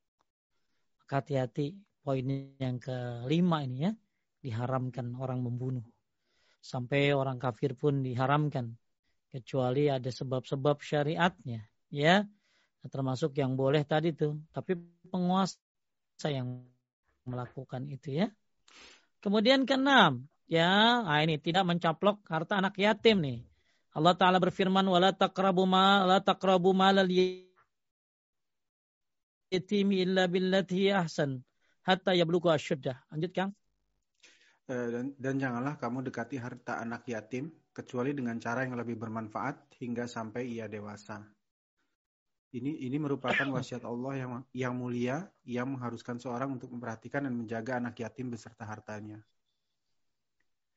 Dan seorang anak dikatakan yatim bila bapaknya meninggal dunia sementara anak itu belum balik. Banyak di Indonesia salah paham. Hmm. Orang udah gede boleh dibilang yatim. yatim tuh anak kecil belum balik. Itu yang ditinggal bapaknya. Maka itu yatim. Ya. Jadi bapaknya meninggal, dianya belum balik. Berarti belum umur berapa, Kang? Belum umur sepuluhan ya. Belum umur sepuluhan tuh. Jadi kalau bapak-bapak udah lima-lima, saya yatim tadi. Itu bukan yatim, buang kotan itu mah. Jadi uh, apa Allah melarang kita mendekati harta anak yatim kecuali dengan cara yang manfaat. Misalnya diolah Kang, diolah duitnya ya, mhm. diolah duitnya ya, uh, apa sehingga akhirnya ber, menghasilkan. Tapi diolah begini dibuat bisnis dagang benar gitu ya, benar ya. Jadi uh, dijaga yang megang anak yatim nih ya. Kemudian uh, kita lihat di sini ya, ya kan tadi dilarang ya di anak anak yatim itu apa tadi kan belum balik ya, ya, ya. Ya belum balik. Allah Ta'ala melarang dari mendekati harta anak yatim dengan tujuan tidak baik. Tentunya lebih keras lagi larangan itu mencaplok harta anak yatim, dimakan sama dia. Ya, Dibolehkan mengambil harta anak yatim bila orang tersebut ada mengembangkan harta anak yatim. Ya, diambil boleh upah Kang sewajarnya profesionalisme lah ya. Karena ini udah dikembangin, jaga, ngambil gaji boleh dari uang uh, tersebut ya, profesional aja. Ya, hati-hati ya. Uh, jangan sampai kita menzolimi anak yatim. Yang ngurusin anak yatim itu pahalanya gede, Kang. Tapi ngezolimin juga dosanya besar. Ya. Jadi yang melihara ini misalnya yang nyantuninnya, rutinnya, bahkan bisa bersama Nabi di surga nanti anak wakafil yatim hakaza. Aku dengan orang yang apa? Yang uh, yang mengasihi anak yatim seperti ini. Ya, seperti ini. Ya, seperti dua jari telunjuk dan jari tengah. Ini orang yang suka melihara anak yatim. Bahkan uh, orang yang memelihara anak yatim ini hatinya dilembutin, Kang. Ya, Nabi bertanya kepada para sahabat atau hibu anjali nakal baka wa tudrik hajatak. Mau nggak? Aku kasih tahu amal yang kalau kalian melakukan ini akan dilembutkan hatimu dan akan dipenuhi segala kebutuhanmu. Siapa yang pengen dipenuhi segala kebutuhannya. Siapa yang pengen dilembutkan hatinya. Lakukan amal ini. Apa tuh? Irhamil yatim. Sayangi anak yatim. Kemudian wamsah sahu. Pegang palanya Kang. Ya, pegang palanya. Ya, makanya kalau Anda anak yatim sunahnya dipegang Kang, palanya. Ya, jadi sayangi, pegang palanya. Makanya anak yatimnya kecil. Lah ini anak yatimnya kuliah, cantik lagi. Yatim ya dipegangin ke masih bapak. Ya, eta mah doyan. Jadi pegang palanya, kemudian beri makan. Watim homin amik. Berikan makanan dari makanmu. Yalin kalbaka wa tudrik hajatak. Lembut hatimu dan dipenuhi segala kebutuhannya. Masya Allah. Luar biasa ya orang yang nyantuni anak yatim. Ya jadi teman Rasulullah nanti di surga. Dilembutkan hatinya bahkan dipenuhi segala keinginannya. Dijauhkan dari sifat kikir orang yang uh, apa nyantunin anak yatim tuh. Ya menjadi pengikut Rasulullah Shallallahu Alaihi Wasallam. Ya bertambah rizkinya banyaklah keutamaannya. Tapi hati-hati kita tahu keutamaannya doang tapi nggak tahu ancamannya. Ya, akhirnya semena-mena sama anak yatim. Ya, semena-mena sama anak yatim ini maksudnya apa? Ngolah hartanya diambil, hartanya nggak diolah, diambil. Ya, maka hati-hati kita uh, bagus ya ngurusin anak yatim. Maksudnya ngurusin ini tuh apa ya nyantunin, walaupun nggak tinggal di rumah ya. Ya, maka bagus itu amal yang baik. Tapi hati-hati buat para pengurus anak yatim. Ya, jangan sampai ada hartanya yang dimakan wala taqrabul malal yatim illa billati ya ahsan hatta yablughu asyudda. Ya. Kemudian poin ya. Ah ini ada nih, Anisa ayat 10 nih. Ya, Masya Allah ngeri nih Kang. Innal ladina yaquluna amwalal yatama zulman innama yaquluna fi butunihim naran wa sayaslawna sa'ira. Artinya kan? Sesungguhnya orang-orang yang memakan harta anak yatim secara zolim, sebenarnya mereka itu menelan api sepenuh perutnya dan mereka akan masuk ke dalam api yang menyala-nyala. Nauzubillah min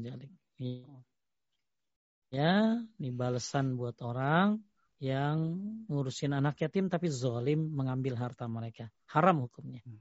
Wasiat ke-6. Wasiat ke-7 sekarang. Ah, tidak curang dalam menakar dan menimbang. Ya, ini sampai ada ayatnya nih Kang. Wailul lil mutaffifin. Celaka orang yang suka mengurangi taka takaran. Ya nih, jadi haram ya orang menakar ya mengurangi curang dalam menakar dan menimbang. Ya wa'uful kaila wal mizana bil qis la nukallifu nafsan illa wus'aha. Sebenarnya kan takaran timbangan dengan adil. Makanya dulu kan ada orang lagi mau dagang dia bersihin dulu timbangannya. Hmm. Dibersihin, dilapin timbangannya dilapin, timbangan dilapin sama dia. Ditanya, kenapa? Dilapin timbangan. Ya, apa jawab dia? Saya tidak mau menzolimi seorang muslim walaupun dengan debu sedikit pun. Jadi dia nggak mau ada debu masuk kemudian jadi beratin ya. Walaupun secara logika mendebu mah kan kagak ini ya, kagak berat atau apalah. Ya, tapi ini orang hati-hati banget. Jangan sampai ada debu masuk sehingga bertambah berat lah. Apa akhirnya akhirnya bisa mendolimi orang ya. Jadi ada suatu umat yang diazab oleh Allah gara-gara suka ngurangin takaran timbangan. Siapa tuh? Umatnya Nabi Syuaib. Ya. Hati-hati ya ngurangin takaran dan timbangan ini sampai ada ayatnya itu ada suratnya al-mutaffifin ya uh, ini diharamkan orang mengurangi takaran dan timbangan ya baik kita lihat coba penjelasannya Sungguh binasa umat-umat itu disebabkan oleh kezoliman yang mereka lakukan. Lanjut Kang Nabi bersabda. Nabi SAW bersabda, hati-hatilah kalian dalam berbuat zolim, karena kezoliman adalah kegelapan pada hari kiamat. Hmm, hmm, hmm. lanjut. Allah Taala juga Allah Taala juga mengabarkan mengabarkan bahwa orang-orang yang curang dalam menakar dan menimbang bagi mereka azab yang pedih. Sebagaimana dalam firman-Nya, kecelakaan besarlah bagi orang-orang yang curang yaitu orang-orang yang apabila menerima takaran dari orang lain, mereka minta dipenuhi. Dan apabila mereka menakar atau menimbang orang untuk orang lain, mereka mengurangi. Iya, ya. Jadi kalau minta dari orang maunya apa Kang? Lebih. Ditambahin. Kalau dagang ke orang maunya orang dikurangin. Ya, maka hati-hati nih ibu nih kalau nawar-nawar sama tukang sayur nih. Berapa nih bang? lima ribu bu. Ini ini ini ini. Ya berapa semuanya? tujuh lima bu. tujuh puluh lima ribu. Ya nih duitnya tujuh puluh lima ribu. Ya saya bawa singkong atau ya. Dia ambil singkong ambil kabur ya tambahin ini ya gratis ya gitu loh ya. Eh, jangan begitu. Ya tanya dia Ridho kagak? Maksa kan? Gitu loh. Berapa bang? Semua Julima udah bayar. Ya, minta cabai ya segini ya dikit. Mau beli tamat sih lu? Astagfirullahaladzim. Jadi sambil bawa sambil bawa kabur sambil ngapel dia. Ya boleh ya. Jadi Bapak Ibu sekalian dimuliakan oleh Allah Subhanahu wa taala kalau mau rame bahas tafsirnya ya. Lihat di tafsir surat Al-Mutaffifin ya apalagi kalau Bapak Ibu punya buku tafsir dari Ustadz Firanda bagus tuh tafsir uh, Juz Amma uh, beliau membahas tentang Wailul mutaffifin ini bagus sekali Ya, bagus sekali pembahasannya khususnya di ayat 1 ya sampai tengahnya itu bagus. Siapa sih al-mutaffifin ini? Ya, al-mutaffifin ini uh, apakah hanya orang yang curang menakar saja ya atau yang lainnya? Ya, pembahasan indah ada di uh, di tafsirnya. Tapi kalau mau saya waktu itu ngadain perlombaan, Kang. Perlombaan rangkuman tafsir al-mutaffifin itu ibu-ibu ngerangkum bagus-bagus banget ya nah nanti yang nomor satu juara uh, saya kasih rangkumannya ke Paduka ya tentang itu tadi apa tentang tafsir al mutaffifin rangkumannya bagus banget tuh si ibu ngerangkum dari tafsir uh, apa Ustadz Firanda tentang al mutaffifin ya siapa al mutaffifin ini ternyata banyak al mutaffifin ini bukan hanya dalam perdagangan kan Ya disebutkan di situ tuh termasuk orang yang suka nuntut tapi nggak mau dituntut. Maunya nuntut tapi nggak mau dituntut. Ya macam-macam lah ya al-mutafifin itu. Tapi yang dikhususkan adalah masalah takaran dan timbangan. Lanjut Kang, dahulu Nabi Shu'aib. Uh, di mana tadi? Dahulu Ini, kaumnya Nabi Shu'aib dibinasakan oleh Allah Subhanahu wa taala karena mereka berbuat zalim atau curang dalam menakar dan menimbang. Allah taala nah, ini dalilnya nih. Ya ini. Mm-hmm. Ya Allah taala berfirman dengan menyebutkan ucapan Nabi Syuaib terhadap kaumnya, "Sempurnakanlah takaran dan janganlah kamu termasuk orang-orang yang merugikan dan timbanglah dengan timbangan yang lurus." Dan janganlah kamu merugikan manusia pada hak-haknya, dan janganlah kamu merajalela di muka bumi dengan membuat kerusakan. Ya, ya tiap dagang. Dagang ini Kang bukan masalah untung rugi Kang. Dagang ini surga neraka. Ya, makanya uh, para pedagang ini ya ada yang menyebut ya kalau dia benar bisa dikumpulkan dengan para nabi. Ya, maka para pedagang ini satu sisi ya dari riwayat mereka ini orang-orang yang fajir, pendosa, tapi satu riwayat pedagang yang jujur akan dikumpulkan bersama para nabi insya Allah. Makanya yang dagang hati-hati ngurangin takaran dan timbangan ya. Kemudian kita lihat larang uh, yang ke-10, wasiat ke-8. Ya, wa iza qultum fa'dilu walau kana zakurba. Ya, ada apabila kamu berkata maka hendaklah kamu berlaku adil kendati pun dia adalah kerabatmu. Maksudnya adalah Apabila kalian mengatakan suatu perkara yang sifatnya memutuskan atau menghukumi atau suatu persaksian atau meluruskan suatu perkara, maka hendaklah ucapan kalian itu bersumber dari kebenaran dan keadilan. Tanpa cenderung kepada hawa nafsu dan menyimpang karena satu manfaat tertentu yang demikian karena kebenaran lebih berhak untuk diikuti. Jadi kalau kita memutuskan suatu perkara, maka harus adil ya, walaupun itu terhadap kerabatmu. Jadi Islam ini nggak ada apa ya namanya Kang? Hukum apa namanya itu? Pilih kasih ya. Hmm. pilih kasih. Ya seandainya Fatimah mencuri dipotong tangannya sama Nabi. Ya ya ya tahu deh masih ada nggak yang sekarang pilih kasih? Atau kasih kasih pilih gitu loh ya. Nah di sini uh, uh, diceritakan bagaimana tentang keadilan ya intinya tentang keadilan ini sudah saya kasih ke Feby ya, ininya apa? E, rangkumannya ya. Kemudian wasiat ke-9, wa bi ahdillah wa zalikum tazakkarum. Penuhilah janji Allah yang demikian perintahkan Allah kepadamu agar kamu ingat, ya. Apa tuh? Ancaka, lanjut. Segala ya. Segala yang Allah perintahkan dan perintahkan hambanya untuk menjalankannya atau apa yang dilarang untuk melakukannya demikian pula apa yang Allah wasiatkan. Ini semua harus dijaga karena kita semua adalah hamba Allah yang harus tunduk terhadap peraturannya. Allah Ta'ala telah berjanji dengan memberikan pahala kepada orang yang melaksanakan perintahnya dan menjauhi larangannya sebagaimana firmannya. Hai orang-orang yang beriman, sukakah sukakah kamu aku tunjukkan suatu perniagaan yang dapat menyelamatkan kamu dari azab yang pedih?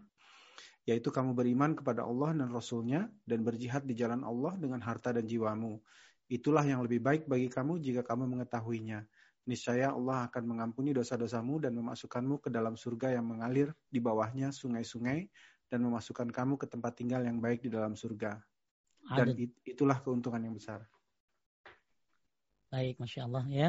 Jadi bagi Bapak Ibu, ketika Allah kasih kita perintah, ya maka tepatilah perjanjian terhadap Allah. Ya, penulilah janji kepada Allah ya agar kamu ya kepada agar kamu ingat.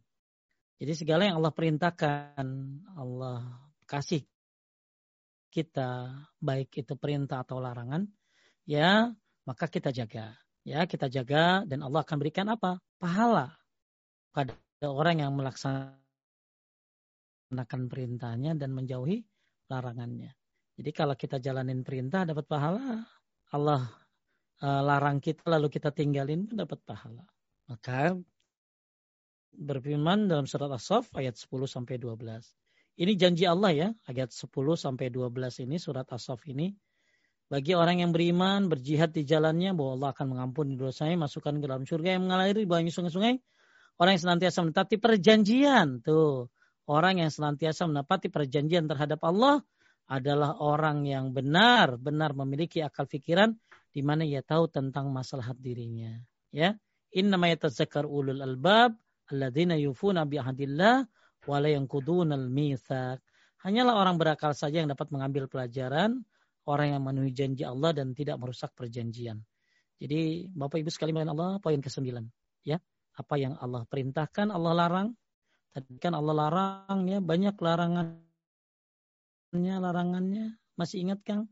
Ya tadi itu ya uh, ya berkata jujur ya timbangan macam-macam ya maka ya jalankan perintahnya jauhi larangan-larangannya maka insya Allah siapa yang uh, apa uh, menjalankan perintahnya, kemudian menjauhi larangannya, maka insya Allah Allah akan berikan dia apa? Ya Allah ampuni dosa-dosanya, ya dan insya Allah Allah berikan kita surga aden. Ya sebagaimana surat As-Saff ayat 10 sampai 12 ya bagi mereka yang apa? Beriman kepada Allah dan Rasulnya, berjihad dengan harta dan jiwanya.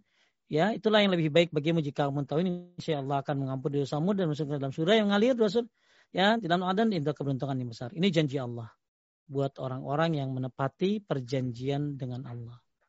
Kemudian uh, wasiat yang ke-10 ya, wasiat ke terakhir ya hanya menempuh jalan Allah yang lurus. Allah taala berfirman, "Wa anna hadza wa anna hadza surati mustaqiman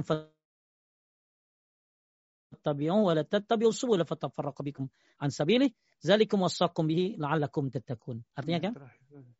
Ya. Dan bahwa yang kami perintahkan ini adalah jalanku yang lurus, maka ikutilah dia. Dan janganlah kamu mengikuti jalan-jalan yang lain, karena jalan-jalan itu mencerai beraikan kamu dari jalannya. Yang demikian itu diperintahkan Allah kepadamu agar kamu bertakwa. Apa sih yang disebut dengan jalan yang lurus itu? Lanjutkan. Jalan Allah adalah?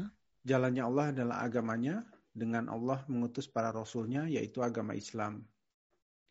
Wajib atas manusia untuk mengikuti agama Wajib. ini karena ia yang akan mengantarkan kepada surga. Adapun jalan selain Islam maka akan menyimpangkan seorang dari surga dan mengantarkan kepada kebinasaan. Jalan yang lurus, jalan yang lurus adalah apa yang ditempuh oleh Nabi Muhammad SAW, para sahabat dan yang mengikuti mereka dalam beragama. Inilah satu-satunya jalan yang benar dalam beragama. Maka barang siapa mencari jalan kebenaran selain jalan mereka, maka dia tidak akan sampai kepada tujuan. Adapun ya, jalan-jalan kebatilan, ya. Mm-hmm. Lanjut, lanjut Ustaz. Ya. Lanjutkan. Ya, adapun jalan-jalan kebatilan, lagi. maka Uh, maka begitu banyaknya sebagaimana tersebut dalam hadis riwayat Imam Ahmad bahwa Rasulullah menggaris suatu garis yang lurus dengan tangannya kemudian beliau bersabda inilah jalan Allah yang lurus Lalu beliau menggaris di sebelah kanan dan kiri dari garis itu garis-garis yang banyak. Lalu beliau Shallallahu Alaihi Wasallam bersabda, jalan-jalan ini tidak ada darinya jalan kecuali padanya ada syaitan yang mengajak kepadanya. Kemudian Nabi Shallallahu Alaihi Wasallam membaca ayat dan bahwa yang kami perintahkan ini adalah jalanku yang lurus, maka ikutilah dia dan janganlah kamu mengikuti jalan-jalan yang lain karena jalan-jalan itu mencerai beraikan kamu dari jalannya. Baik. Udah habis. Demikian. Ya. ya. Demikianlah penutupnya gini. Jadi gini. Jalan yang lurus itu apa? Jalan yang lurus itu adalah Islam. Jalan yang lurus adalah is Islam. Jalan yang lurus itu adalah Islam. Dan Islam yang bagaimana? Islam yang dibawa oleh Nabi kita Muhammad sallallahu alaihi wasallam. Makanya kita al-Islam adalah sunnah dan sunnah adalah Islam. Sebagaimana perkataan dari uh, Imam Al-Barbahari. Beliau berkata al-Islam huwa sunnah wa sunnah yal Islam. Ya, Islam itu adalah sunnah dan sunnah adalah Islam. Ya, nah, ini perkataan beliau. Jadi, yuk pesan yang terakhir, ya pesan yang terakhir di poin yang ke-10, wasiat yang ke-10 yang Allah perintahkan kita adalah untuk ikuti jalan yang lurus. Ya, Nabi menggariskan jalan, kemudian ah, ternyata jalan yang lurus cuma satu, sedangkan yang lainnya banyak cabang-cabangnya. Maka ikutilah jalan yang lurus ini. Apa jalan yang lurus ini adalah Islam. Ya, Maka ikutilah ya Islam ini. Kemudian Islamnya seperti siapa? Tentunya seperti pembawanya yaitu Nabi Muhammad Sallallahu Alaihi Wasallam. Makanya kata Ibnu Mas'ud radhiyallahu an ya Islam yang kayak apa? Ya Islam yang ikuti Nabi Sallallahu Alaihi Wasallam. Ikuti yang mengikuti sunnah Nabi Sallallahu Alaihi Wasallam. Maka kata Nabi kata Ibnu Mas'ud al-iktisad fi sunnah khairun minal ijtihad fil bid'ah. Ya sederhana di dalam sunnah itu lebih baik daripada sungguh-sungguh tapi tapi amalannya bid'ah. Kemudian kata ulama salaf yang lain ya kata Sahal bin Abdullah rahimahullah masalah sunnah fid dunya misal jannah fil akhirah. Perumpamaan sunnah di dunia ini seperti surga di akhirat. Man dakhala jannah fil akhirah salima. Siapa yang masuk surga di akhirat maka dia selamat. Wa man sunnah fid dunya salima. Dan siapa masuk ke dalam sunnah di dunia maka dia akan selamat. Maka ikutilah Islam. Inilah ada jalan yang lurus. Ya, dan ikutilah bagaimana yang diajarkan oleh Nabi Muhammad sallallahu alaihi wasallam dalam berislam ini. Bukan ikuti kebiasaan bukan ikutin orang-orang yang menyimpang, tapi ikutilah Nabi Muhammad Sallallahu Alaihi Wasallam dan para sahabatnya. Bahkan kata Ibnu uh, Ibnu Qayyim rahimahullah mengatakan ya dan Islam itu seperti apa? Tadi yang dikatakan oleh Imam Al-Barbahari, Islam itu adalah sunnah. Ya tidak bisa dipisahkan keduanya. Ya, Islam ini ya sunnah Nabi Sallallahu Alaihi Wasallam. Ya apa yang diajarkan dan kalau kita mencintai Allah ya ikuti Nabi Muhammad. Qul in kuntum tuhibbun Allah fattabi'uni yuhibbukumullah. Ya, kalau kalian mencintai Allah ikutilah aku. Aku di sini siapa Nabi Muhammad sallallahu alaihi wasallam. Maka ya uh, jalan yang benar cuma satu. Maka hati-hati dengan jalan-jalan cabang-cabang ini. Maka terus menuntut ilmu. Terus menuntut ilmu. InsyaAllah Allah tunjukkan kita seperti apa jalannya Nabi Muhammad sallallahu alaihi wasallam. Ya. Bahkan kata Syekh bin Salih Utsaimin isabatus sunnah afdal min kasratil amal. Menyesuaikan amalan dengan sunnah itu lebih utama daripada banyak beramal. Amalnya banyak tapi nggak sesuai sunnah. Ya mendingan dikit tapi sesuai sunnah. Kenapa? Karena Allah berfirman liyabluwakum ayyukum ahsanu amala. Bukan aksaru amala. Allah melihat seseorang dari banyak, ah, baiknya amal, bukan banyaknya amal. Baik amal seperti apa? Sebagaimana yang diajarkan oleh Nabi Sallallahu Alaihi Wasallam. Bapak Ibu sekalian mereka Allah, inilah wasiat 10 ya yang tadi sudah dibahas semuanya dan termasuk uh, tadi perkataan Ibnu Mas'ud yang sudah dibahas bahwa siapa yang pengen melihat stempel Nabi Sallallahu Alaihi Wasallam dalam sebuah surat maka bacalah surat Al-An'am ayat 151 sampai 153. Saya ringkas, hal halal haram adalah hak Allah. Tidak ada yang boleh uh, uh, boleh menetapkannya. Ya, tadi sudah dibahas di depan bahwa perkara-perkara halal haram mutlak milik Allah. Apa aja yang diharamkan oleh Allah?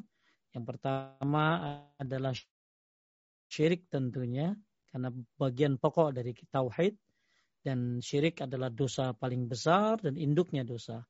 Kemudian yang durhaka kepada orang tua, kemudian yang ketiga larangan membunuh anak, kemudian yang keempat ya adalah larangan mendekati perbuatan keji, maksudnya apa? Zina, ya, zina. Tadi sudah saya bahas, jangan membunuh jiwa kecil, nggak boleh membunuh seorang kecuali ada beberapa hak yang penguasa yang melakukannya. Bahkan matinya seorang mukmin lebih ringan dari lenyapnya dunia lebih ringan daripada meninggalnya seorang mukmin bagi Allah. Ya, larangan uh, lenyapnya dunia lebih ringan untuk Allah ketimbang manusia seorang mukmin tanpa hak. Kemudian wasiatkan enam tidak mencaplok harta anak yatim, makan harta anak yatim. Kemudian uh, yang ketujuh tidak curang dalam menakar dan timbangan. Ya, Kemudian yang kedelapan untuk berkata jujur dalam masalah walaupun terhadap keluarga ya. Ya, masalah menghukumi ya persaksian ini harus jujur. Kemudian yang kesembilan ya menepati perjanjian terhadap Allah. Wa aufu zalikum wasaqum bihi la'allakum tazakkarun. Janji Allah ya yang diperintahkan agar kamu semuanya ingat ya. Kemudian yang terakhir ikutilah jalan yang lurus. Ya, hanya menempuh jalan yang lurus. Jalannya siapa? Nabi Muhammad wasallam dan para sahabatnya. Inilah 10 wasiat yang ada di dalam surat Al-An'am 151 sampai 153. Ya Kang, mungkin ada yang mau nanya. Insyaallah, Alhamdulillah. Jazakallah khair. Ustaz, eh, ilmunya ini apa lengkap nih hari ini. Seminggu. Baik Ustaz, ini ada beberapa pertanyaan. Ini ada nggak nggak terlalu banyak sebetulnya. Uh, saya share screen ya Ustaz. Bentar. Ini pertanyaan pertama nih Ustaz.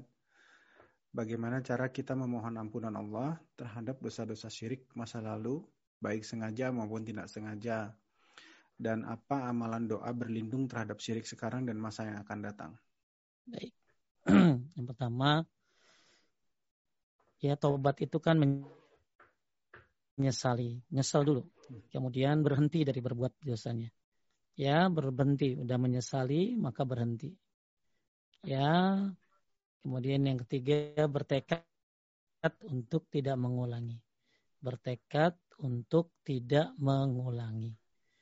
Ya, sebenarnya ada banyak ya Kang syarat taubat itu ya. Yang saya kumpulkan itu banyak banget ya. Tapi salah satunya tobat itu dengan melakukan amal soleh ya. Syarat tobat saya pernah bahas di kajian Riyadus Salihin tentang masalah tobat ini. Tapi intinya uh, satu dia nyesel, dua dia berhenti dari dosanya, kemudian bertekad untuk tidak melakukannya lagi, kemudian banyak beramal soleh, ya, kemudian per, banyak beramal soleh pokoknya ya, karena amal soleh ini akan menutupi dosa-dosanya. Kemudian ada tambahan dari ulama dari Imam Al Balkhi tinggalkan teman-teman yang jelek, karena teman-teman ini memprovokasi biasanya. Kemudian juga hijrah dari tempat kalau memang dia di daerahnya kurang bagus, banyak maksiatnya, kompleknya komplek yang nggak benar, maka pindahlah ke tempat yang baik ya. Uh, tapi poinnya ada tiga. Poin ada tiga dari taubat dan nasuha ini. Ya kata saya Salim bin Aid al Hilali satu dia bertobat dari seluruh dosa. Kedua dia melakukannya ikhlas. Tiga sungguh-sungguh. Udah itu aja. Ya dan jangan putus asa. Setan akan bermain-main di sini jadi yang merasa pernah melakukan kesyirikan, bertobatlah kepada Allah. Az-Zumar ayat 53. Ya, innallaha yaghfir dzunuba jami'an. Allah mengampuni seluruh dosa. Yang penting dia nyesel, dia tinggalin, dia bertekad tuh tidak melakukan lagi, dia cari teman-teman yang baik, dia hijrah kalau perlu. Ya, kemudian banyak beramal soleh dan, dan insya Allah uh, tobatan nasuha poinnya ada tiga sungguh-sungguh dan mentobati seluruh dosa kemudian ikhlas dalam melakukannya ya. Kemudian doa apa sih agar kita tidak terkena syirik dari zaman sekarang sampai zaman yang lanjut? Doanya Nabi Ibrahim aja dibaca. Ya wajidum bani wa bani anna abudal asnam. Jauhkanlah diriku dan keturunanku dari menyembah berhala. Ya atau doa yang dibaca oleh Nabi Muhammad SAW Allahumma inni a'udzubika an usyrika bika wa ana a'lam wa astaghfiruka lima la a'lam. Ya Allah, aku minta ampun kepadamu, aku berlindung kepadamu, maaf, dari dosa syirik yang aku ketahui, ya, aku berlindung kepadamu dari dosa syirik yang aku ketahui, dan aku minta ampun kepadamu dari dosa syirik yang aku ketahui. Jadi dosa syirik itu kan ada yang diketahui, ada yang tidak diketahui. Ya, ada dua doa ya uh, untuk dihindari dari syirik. Doanya Nabi Ibrahim yang pertama, kemudian doanya Nabi Muhammad SAW. Kemudian yang terakhir, sebelum tidur jangan lupa baca kuliah ayuhal kafirun. Ikra'u kuliah ayuhal kafirun inda manamikum. fa innahu bara'atun minasyirik. Bacalah Al-Kafirun sebelum tidur karena itu menghapuskan, membebaskan kamu dari dosa syirik. Ya. Jadi yang mau yang setiap mau tidur malam jangan lupa baca surat apa tadi? Al-Kafirun ya. Doanya mungkin nanti bisa di-sharing sama Paduka. Doa yang apa tadi? Agar terhindar dari kesyirikan tadi doa Nabi Ibrahim ya dan doa Nabi Muhammad terus kemudian baca Al-Kafirun sebelum tidur ya. Ya, mudah-mudahan Allah Subhanahu wa taala mudahkan Anda untuk bertobat. Lanjut. Baik. Terima kasih Ustaz. Ini berikutnya pertanyaan kedua. Ini ada dua pertanyaan, uh, saya gabung saja Ustaz. Karena satu tema. Mau tanya tentang hadis mengenai hukuman mati bagi yang murtad. Mengapa hadis berbunyi man badal dinahu? Barang siapa yang mengganti agamanya, bukan man tertadu. Barang siapa yang murtad.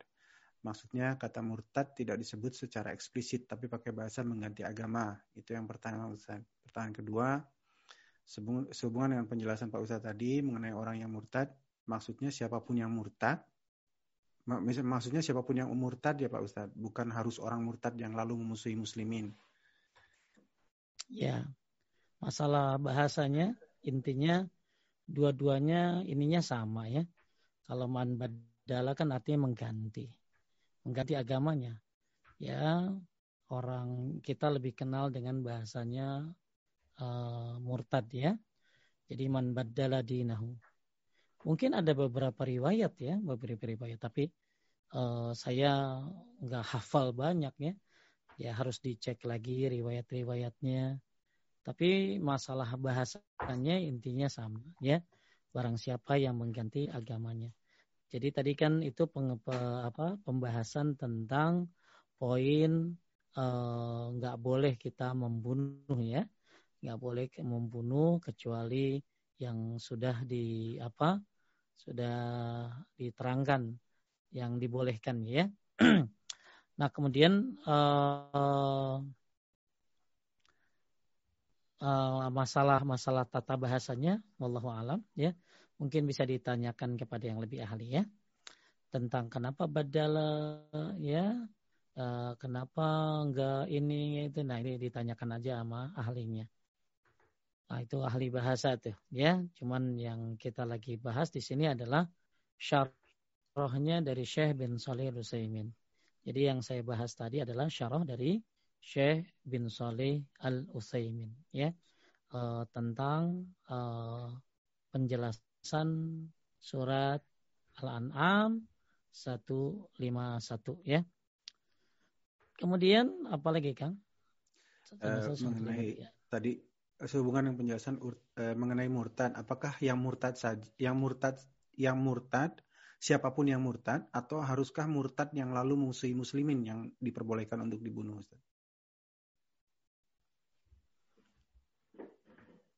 Yang membunuh ini bukan kita ya, yang membunuhnya adalah iya, penguasa. Uh, di, ya. murtad uh, itu ya, penguasa. ya. Ya, penguasa ya yang melakukannya ya. Hmm. Jadi murtad ini kan orang keluar dari dari agama Islam, itu ya. Yang ditanyanya apa ya, Kang? Eh, apakah siapa pun yang, yang murtad atau apa? yang yang diperbolehkan dibunuh itu yang murtad lalu memusuhi muslimin. Jadi apakah hanya khusus siapa spesifik aja, yang siapa aja? Siapa aja? Oh, oke. Okay. oh pertanyaannya begitu. Jadi apa murtad mengganggu? Enggak. Ya mungkin begitu ya ya jadi di sini secara umum disebutkannya ya dia murtad keluar keluar dari Islam ya keluar dari Islam. Jadi mau dia mengganggu atau tidak ya nggak boleh ya nggak boleh ya. Hmm. tapi yang melakukan ini ya adalah siapa tadi adalah uh, penguasa ya. Penguasa dan bukan bukan personal ya. Lanjut. Baik uh, berikut pertanyaan tiga ini. Sorry ya Bismillah. Ustadz bagaimana kalau ada orang yang katanya mempunyai six sense atau indera keenam? Apakah termasuk hmm. sirik juga? Bukan itu orang sakit. Ya, orang sakit harus dirukyah kayak gitu Oh gitu. Ya orang siksen, orang sakit ya, perlu dirukyah. Perlu dirukyah. Ini kadang-kadang ibu-ibu suka ini. Eh, anaknya bisa ini ya, liatin rumah saya dong. Liatin rumah saya malah di malah di ini apa? malah dikasih tugas malah. Ini anaknya jadi terbiasa. Ya, jadi bisa melihat yang gaib bukan orang normal hal seperti itu. Nabi Muhammad aja nggak bisa ya hmm. Uh, kecuali kalau yang gaib itu sudah berbentuk jadi manusia ya. Walaupun hmm. ada riwayat juga uh, pernah Nabi nyekek setan. Tapi intinya ini lebih dari orang bisa ngeliat katanya indra keenam ya, indra keenam. Oh, orang ini bisa begini begini begini. Maka akhirnya nanti lama-lama jadi dukun. Ya jadi paranormal. Maka hmm. orang yang punya indra keenam ini ya, uh, itu sebenarnya uh, kalau indra ke misalnya ya, kalau kalau ini maksud coba ya tanya sama Akang deh. Indra keenam ini apa Kang emang? Iya, indra keenam tuh yang ada di masyarakat yang dimaksud indra keenam tuh gini kan Kang. Bisa ngelihat yang gaib. Iya. Bisa ngelihat setan. Menurut Akang ini ini kelebihan apa kekurangan sebenarnya? Masa orang bisa ngelihat setan kan gak enak Kang. Ada orang lagi nyetir tiba-tiba berhenti kenapa dia lihat nenek-nenek lewat padahal kagak ada gitu loh ya. Ya. ya lagi kumpul-kumpul dia takutan sendiri kenapa tuh di pojok ada yang nonton gitu loh. Jadi hmm. oh, indra keenam ini yang ada beredar di kita ini orang yang punya kelebihan bisa melihat yang gaib katanya. Nah, hmm. pertanyaan hmm. saya yang lihat yang gaib itu normal apa enggak? Enggak kan? Orang bisa ya. melihat yang gaib itu tidak normal. Ya, tidak normal. Kenapa? Karena disebutkan bahwa manusia tidak bisa melihat setan ya sedangkan setan bisa melihat manusia dari arah yang kita tidak bisa melihat mereka jadi emang sebenarnya manusia nggak bisa lihat gitu loh kecuali yang memang uh, sudah menampakkan diri seperti Abu Hurairah menangkap setan yang sudah jadi manusia. Nyolong harta zakat ditangkap. Ditangkap begini kan bukan dimasukin botol. Ya bukan dimasukin botong ditangkap ya tangkap begitu loh.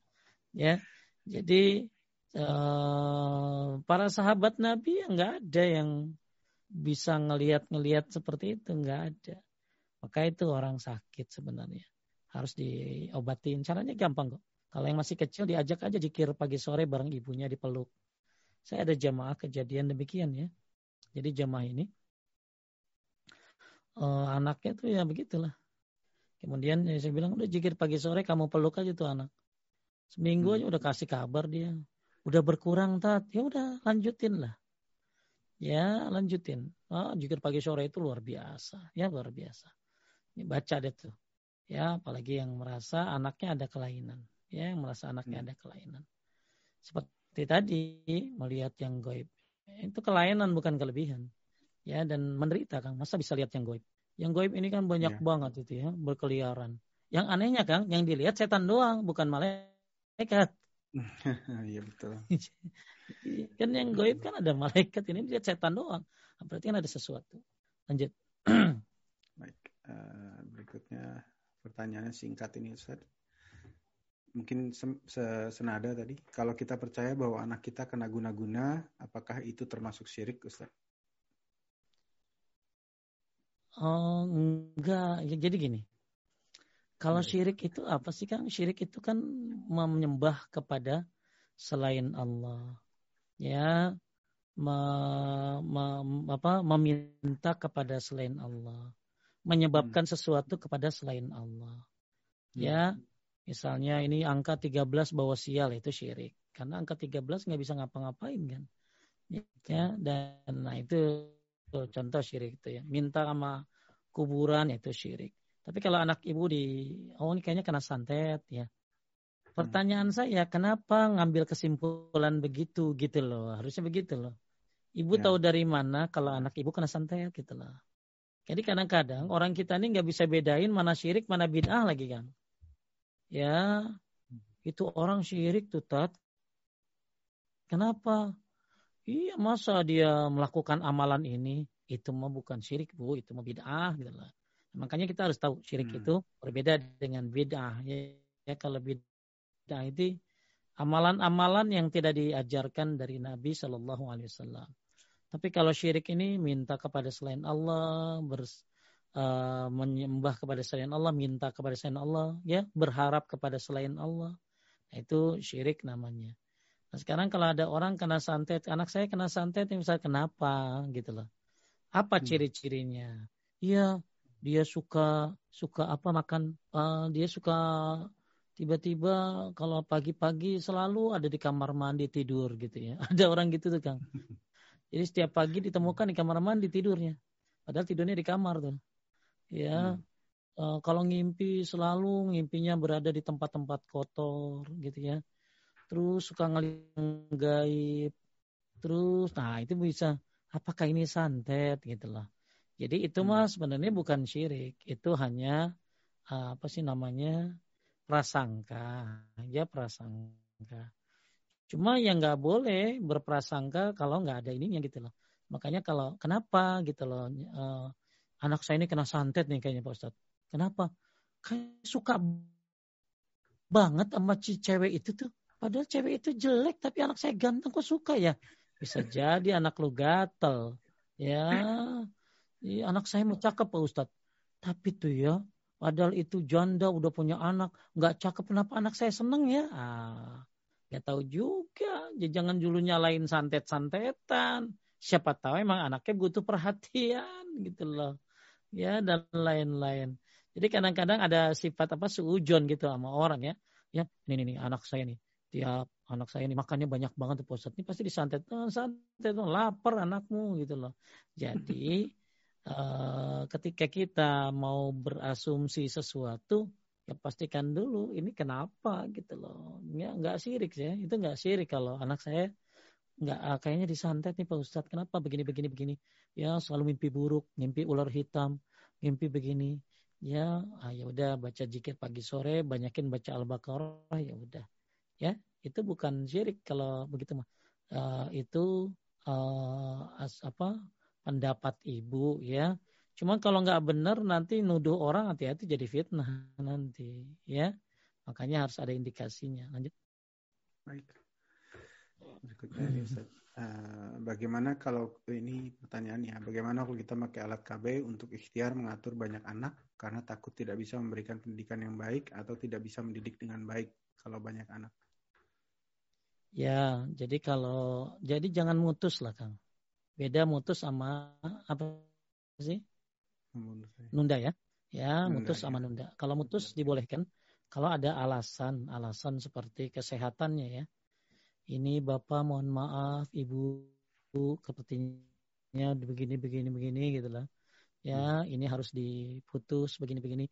Alasan kesehatan selama dokternya yang ngomong dan ahlinya ya, maka ya itu kan kita disuruh pertama sama ahlinya, maka diserahkan aja sama dia tuh, ya. Tapi kalau itu kalau mutus ya. Jadi kalau kalau tadi kan hanya menahan ya, hanya menahan. Hanya menahan uh, supaya tidak terlalu dekat jaraknya misalnya seperti itu. Ya. Maka ya, ya maaf aja kan kadang-kadang kayak gituan juga jebol-jebol aja kan gitu loh kalau memang ya. udah udah dikehendaki ya jadi jadi aja kan gitu loh. Jadi yang hmm. penting niatnya bukan untuk memutus keturunan, tapi untuk menunda. Ya, menunda jarak, mungkin takutnya nggak bisa ngurus, ya nggak bisa apa ngedidiknya, maka ditunda jaraknya.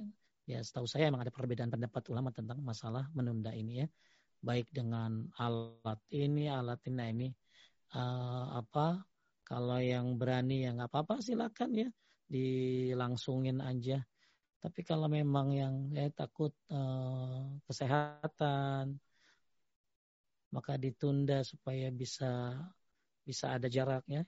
Nah, ini memang terjadi perbedaan pendapat para ulama apakah boleh ataupun tidak, walaupun ada yang membolehkannya. Lanjut. Baik.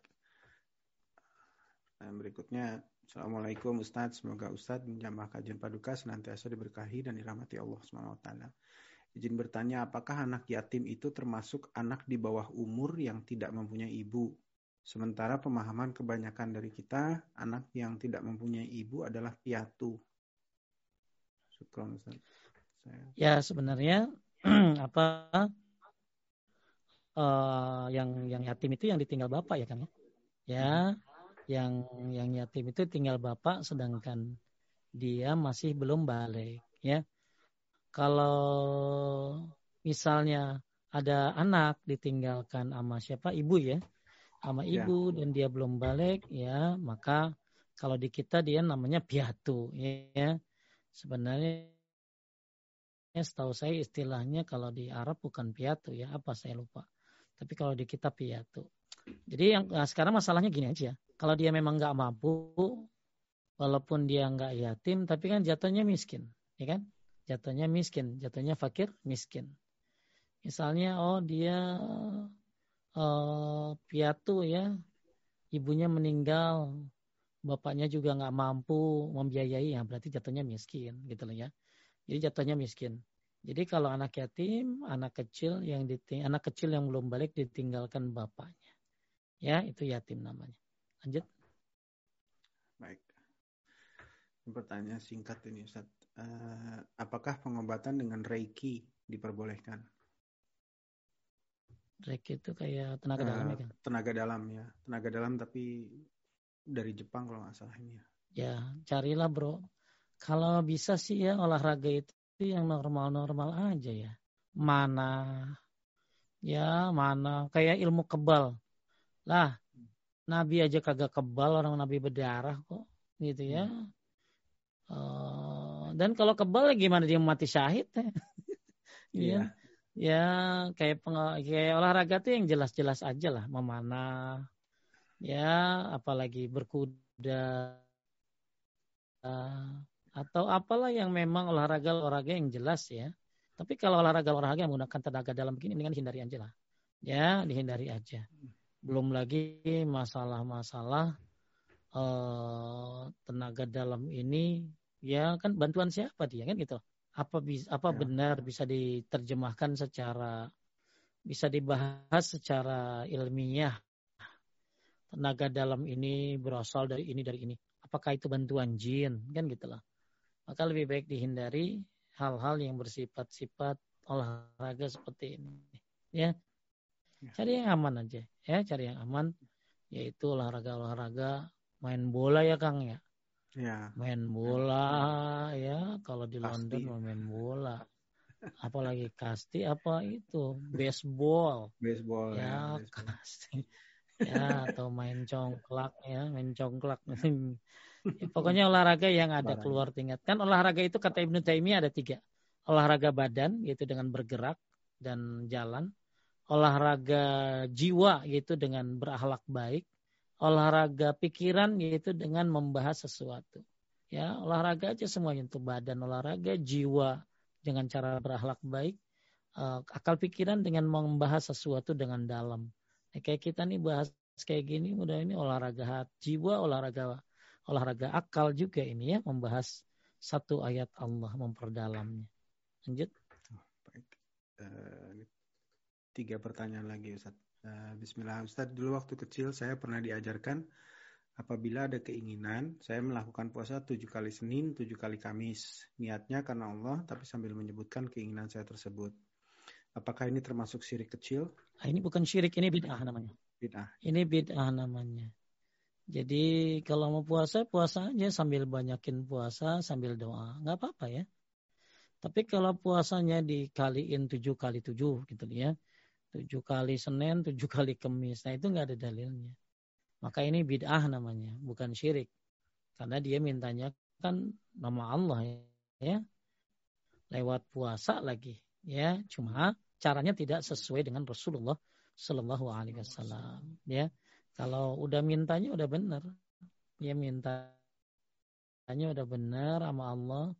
Terus kemudian caranya juga puasa lagi bagus sambil puasa sambil dia berdoa. Cuman harusnya puasanya kan karena Allah ya. Jangan karena ingin sesuatu harusnya kan puasa tuh.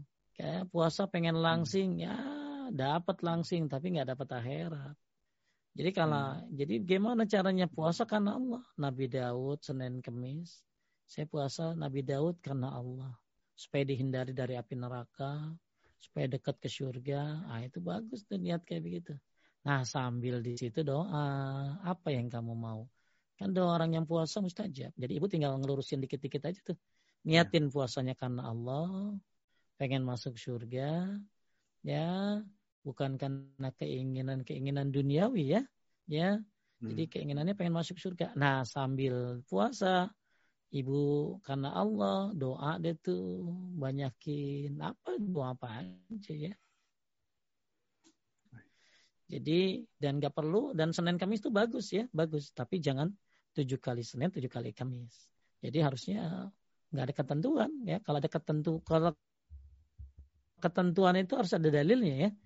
Jikir tiga tiga, subhanallah tiga tiga, alhamdulillah tiga tiga, Allah akbar tiga tiga ditutup dengan la Allah itu ada zikir apa dalilnya itu syar'i namanya. Tapi kalau habis sholat jangan lupa baca Subhanallah seribu, Alhamdulillah seribu. Ya siapa yang nyuruh? Nggak ada kayak begitu Nabi nggak nyuruh. Puasa tuh bagus, tapi jangan sampai ditentukan tujuh kali, tujuh kali. Nah itu kayak gitu harus ada dalilnya itu. Lanjut.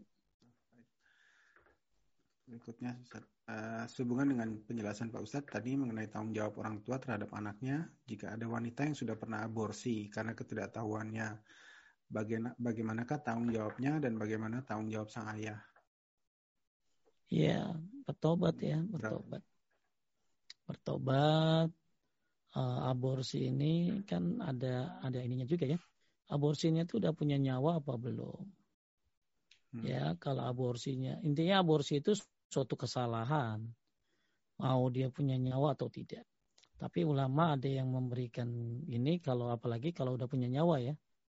Sudah empat bulan, sudah ditiupkan ruh, maka ini dosa ini ya dosa ini nah cuman ikhtilaf ulama kalau kalau aborsinya belum ada nyawanya ya belum ada ruhnya ya intinya mau ada ruh mau ada enggak ya itu sebuah perbuatan yang salah ya, ya kecuali ada alasan medis yang memang dia harus melakukannya karena demi keselamatan jiwanya misalnya.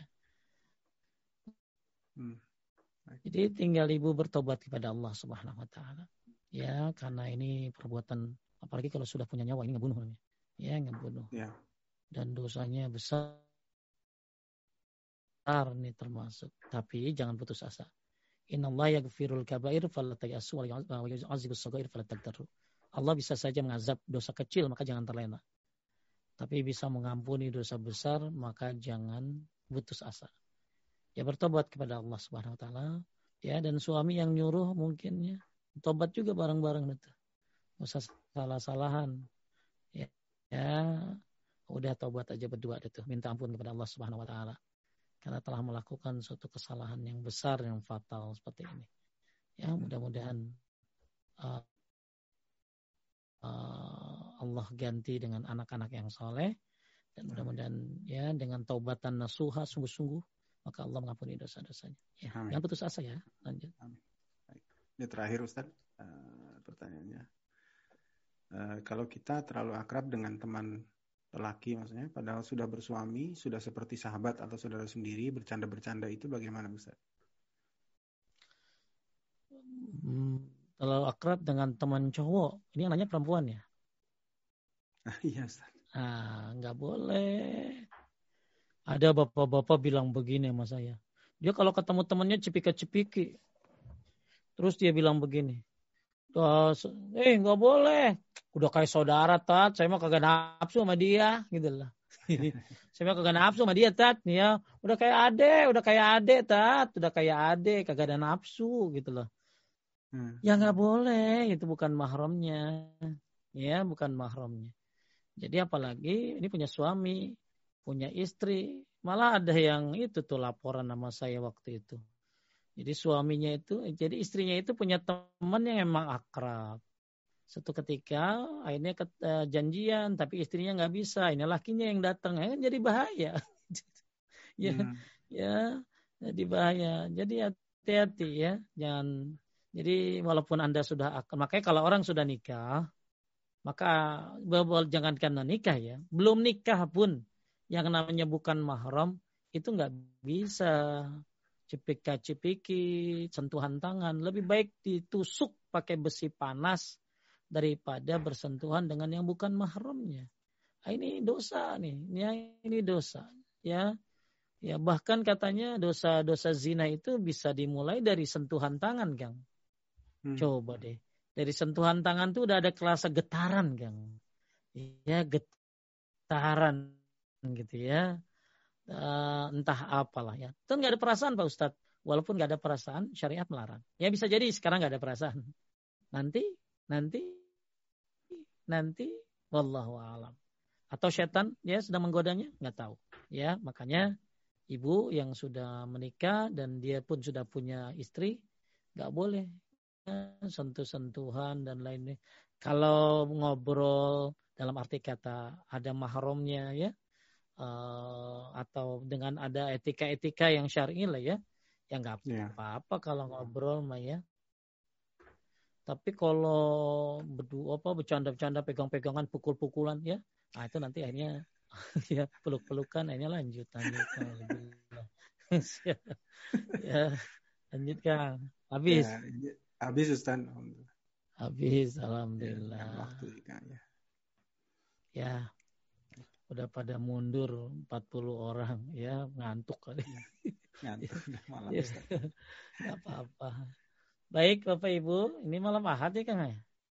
Ahad, Senin ya? Ahad siang, ya malam Senin. Ahad malam ya, Ahad malam ahad ya malam. Senin ya.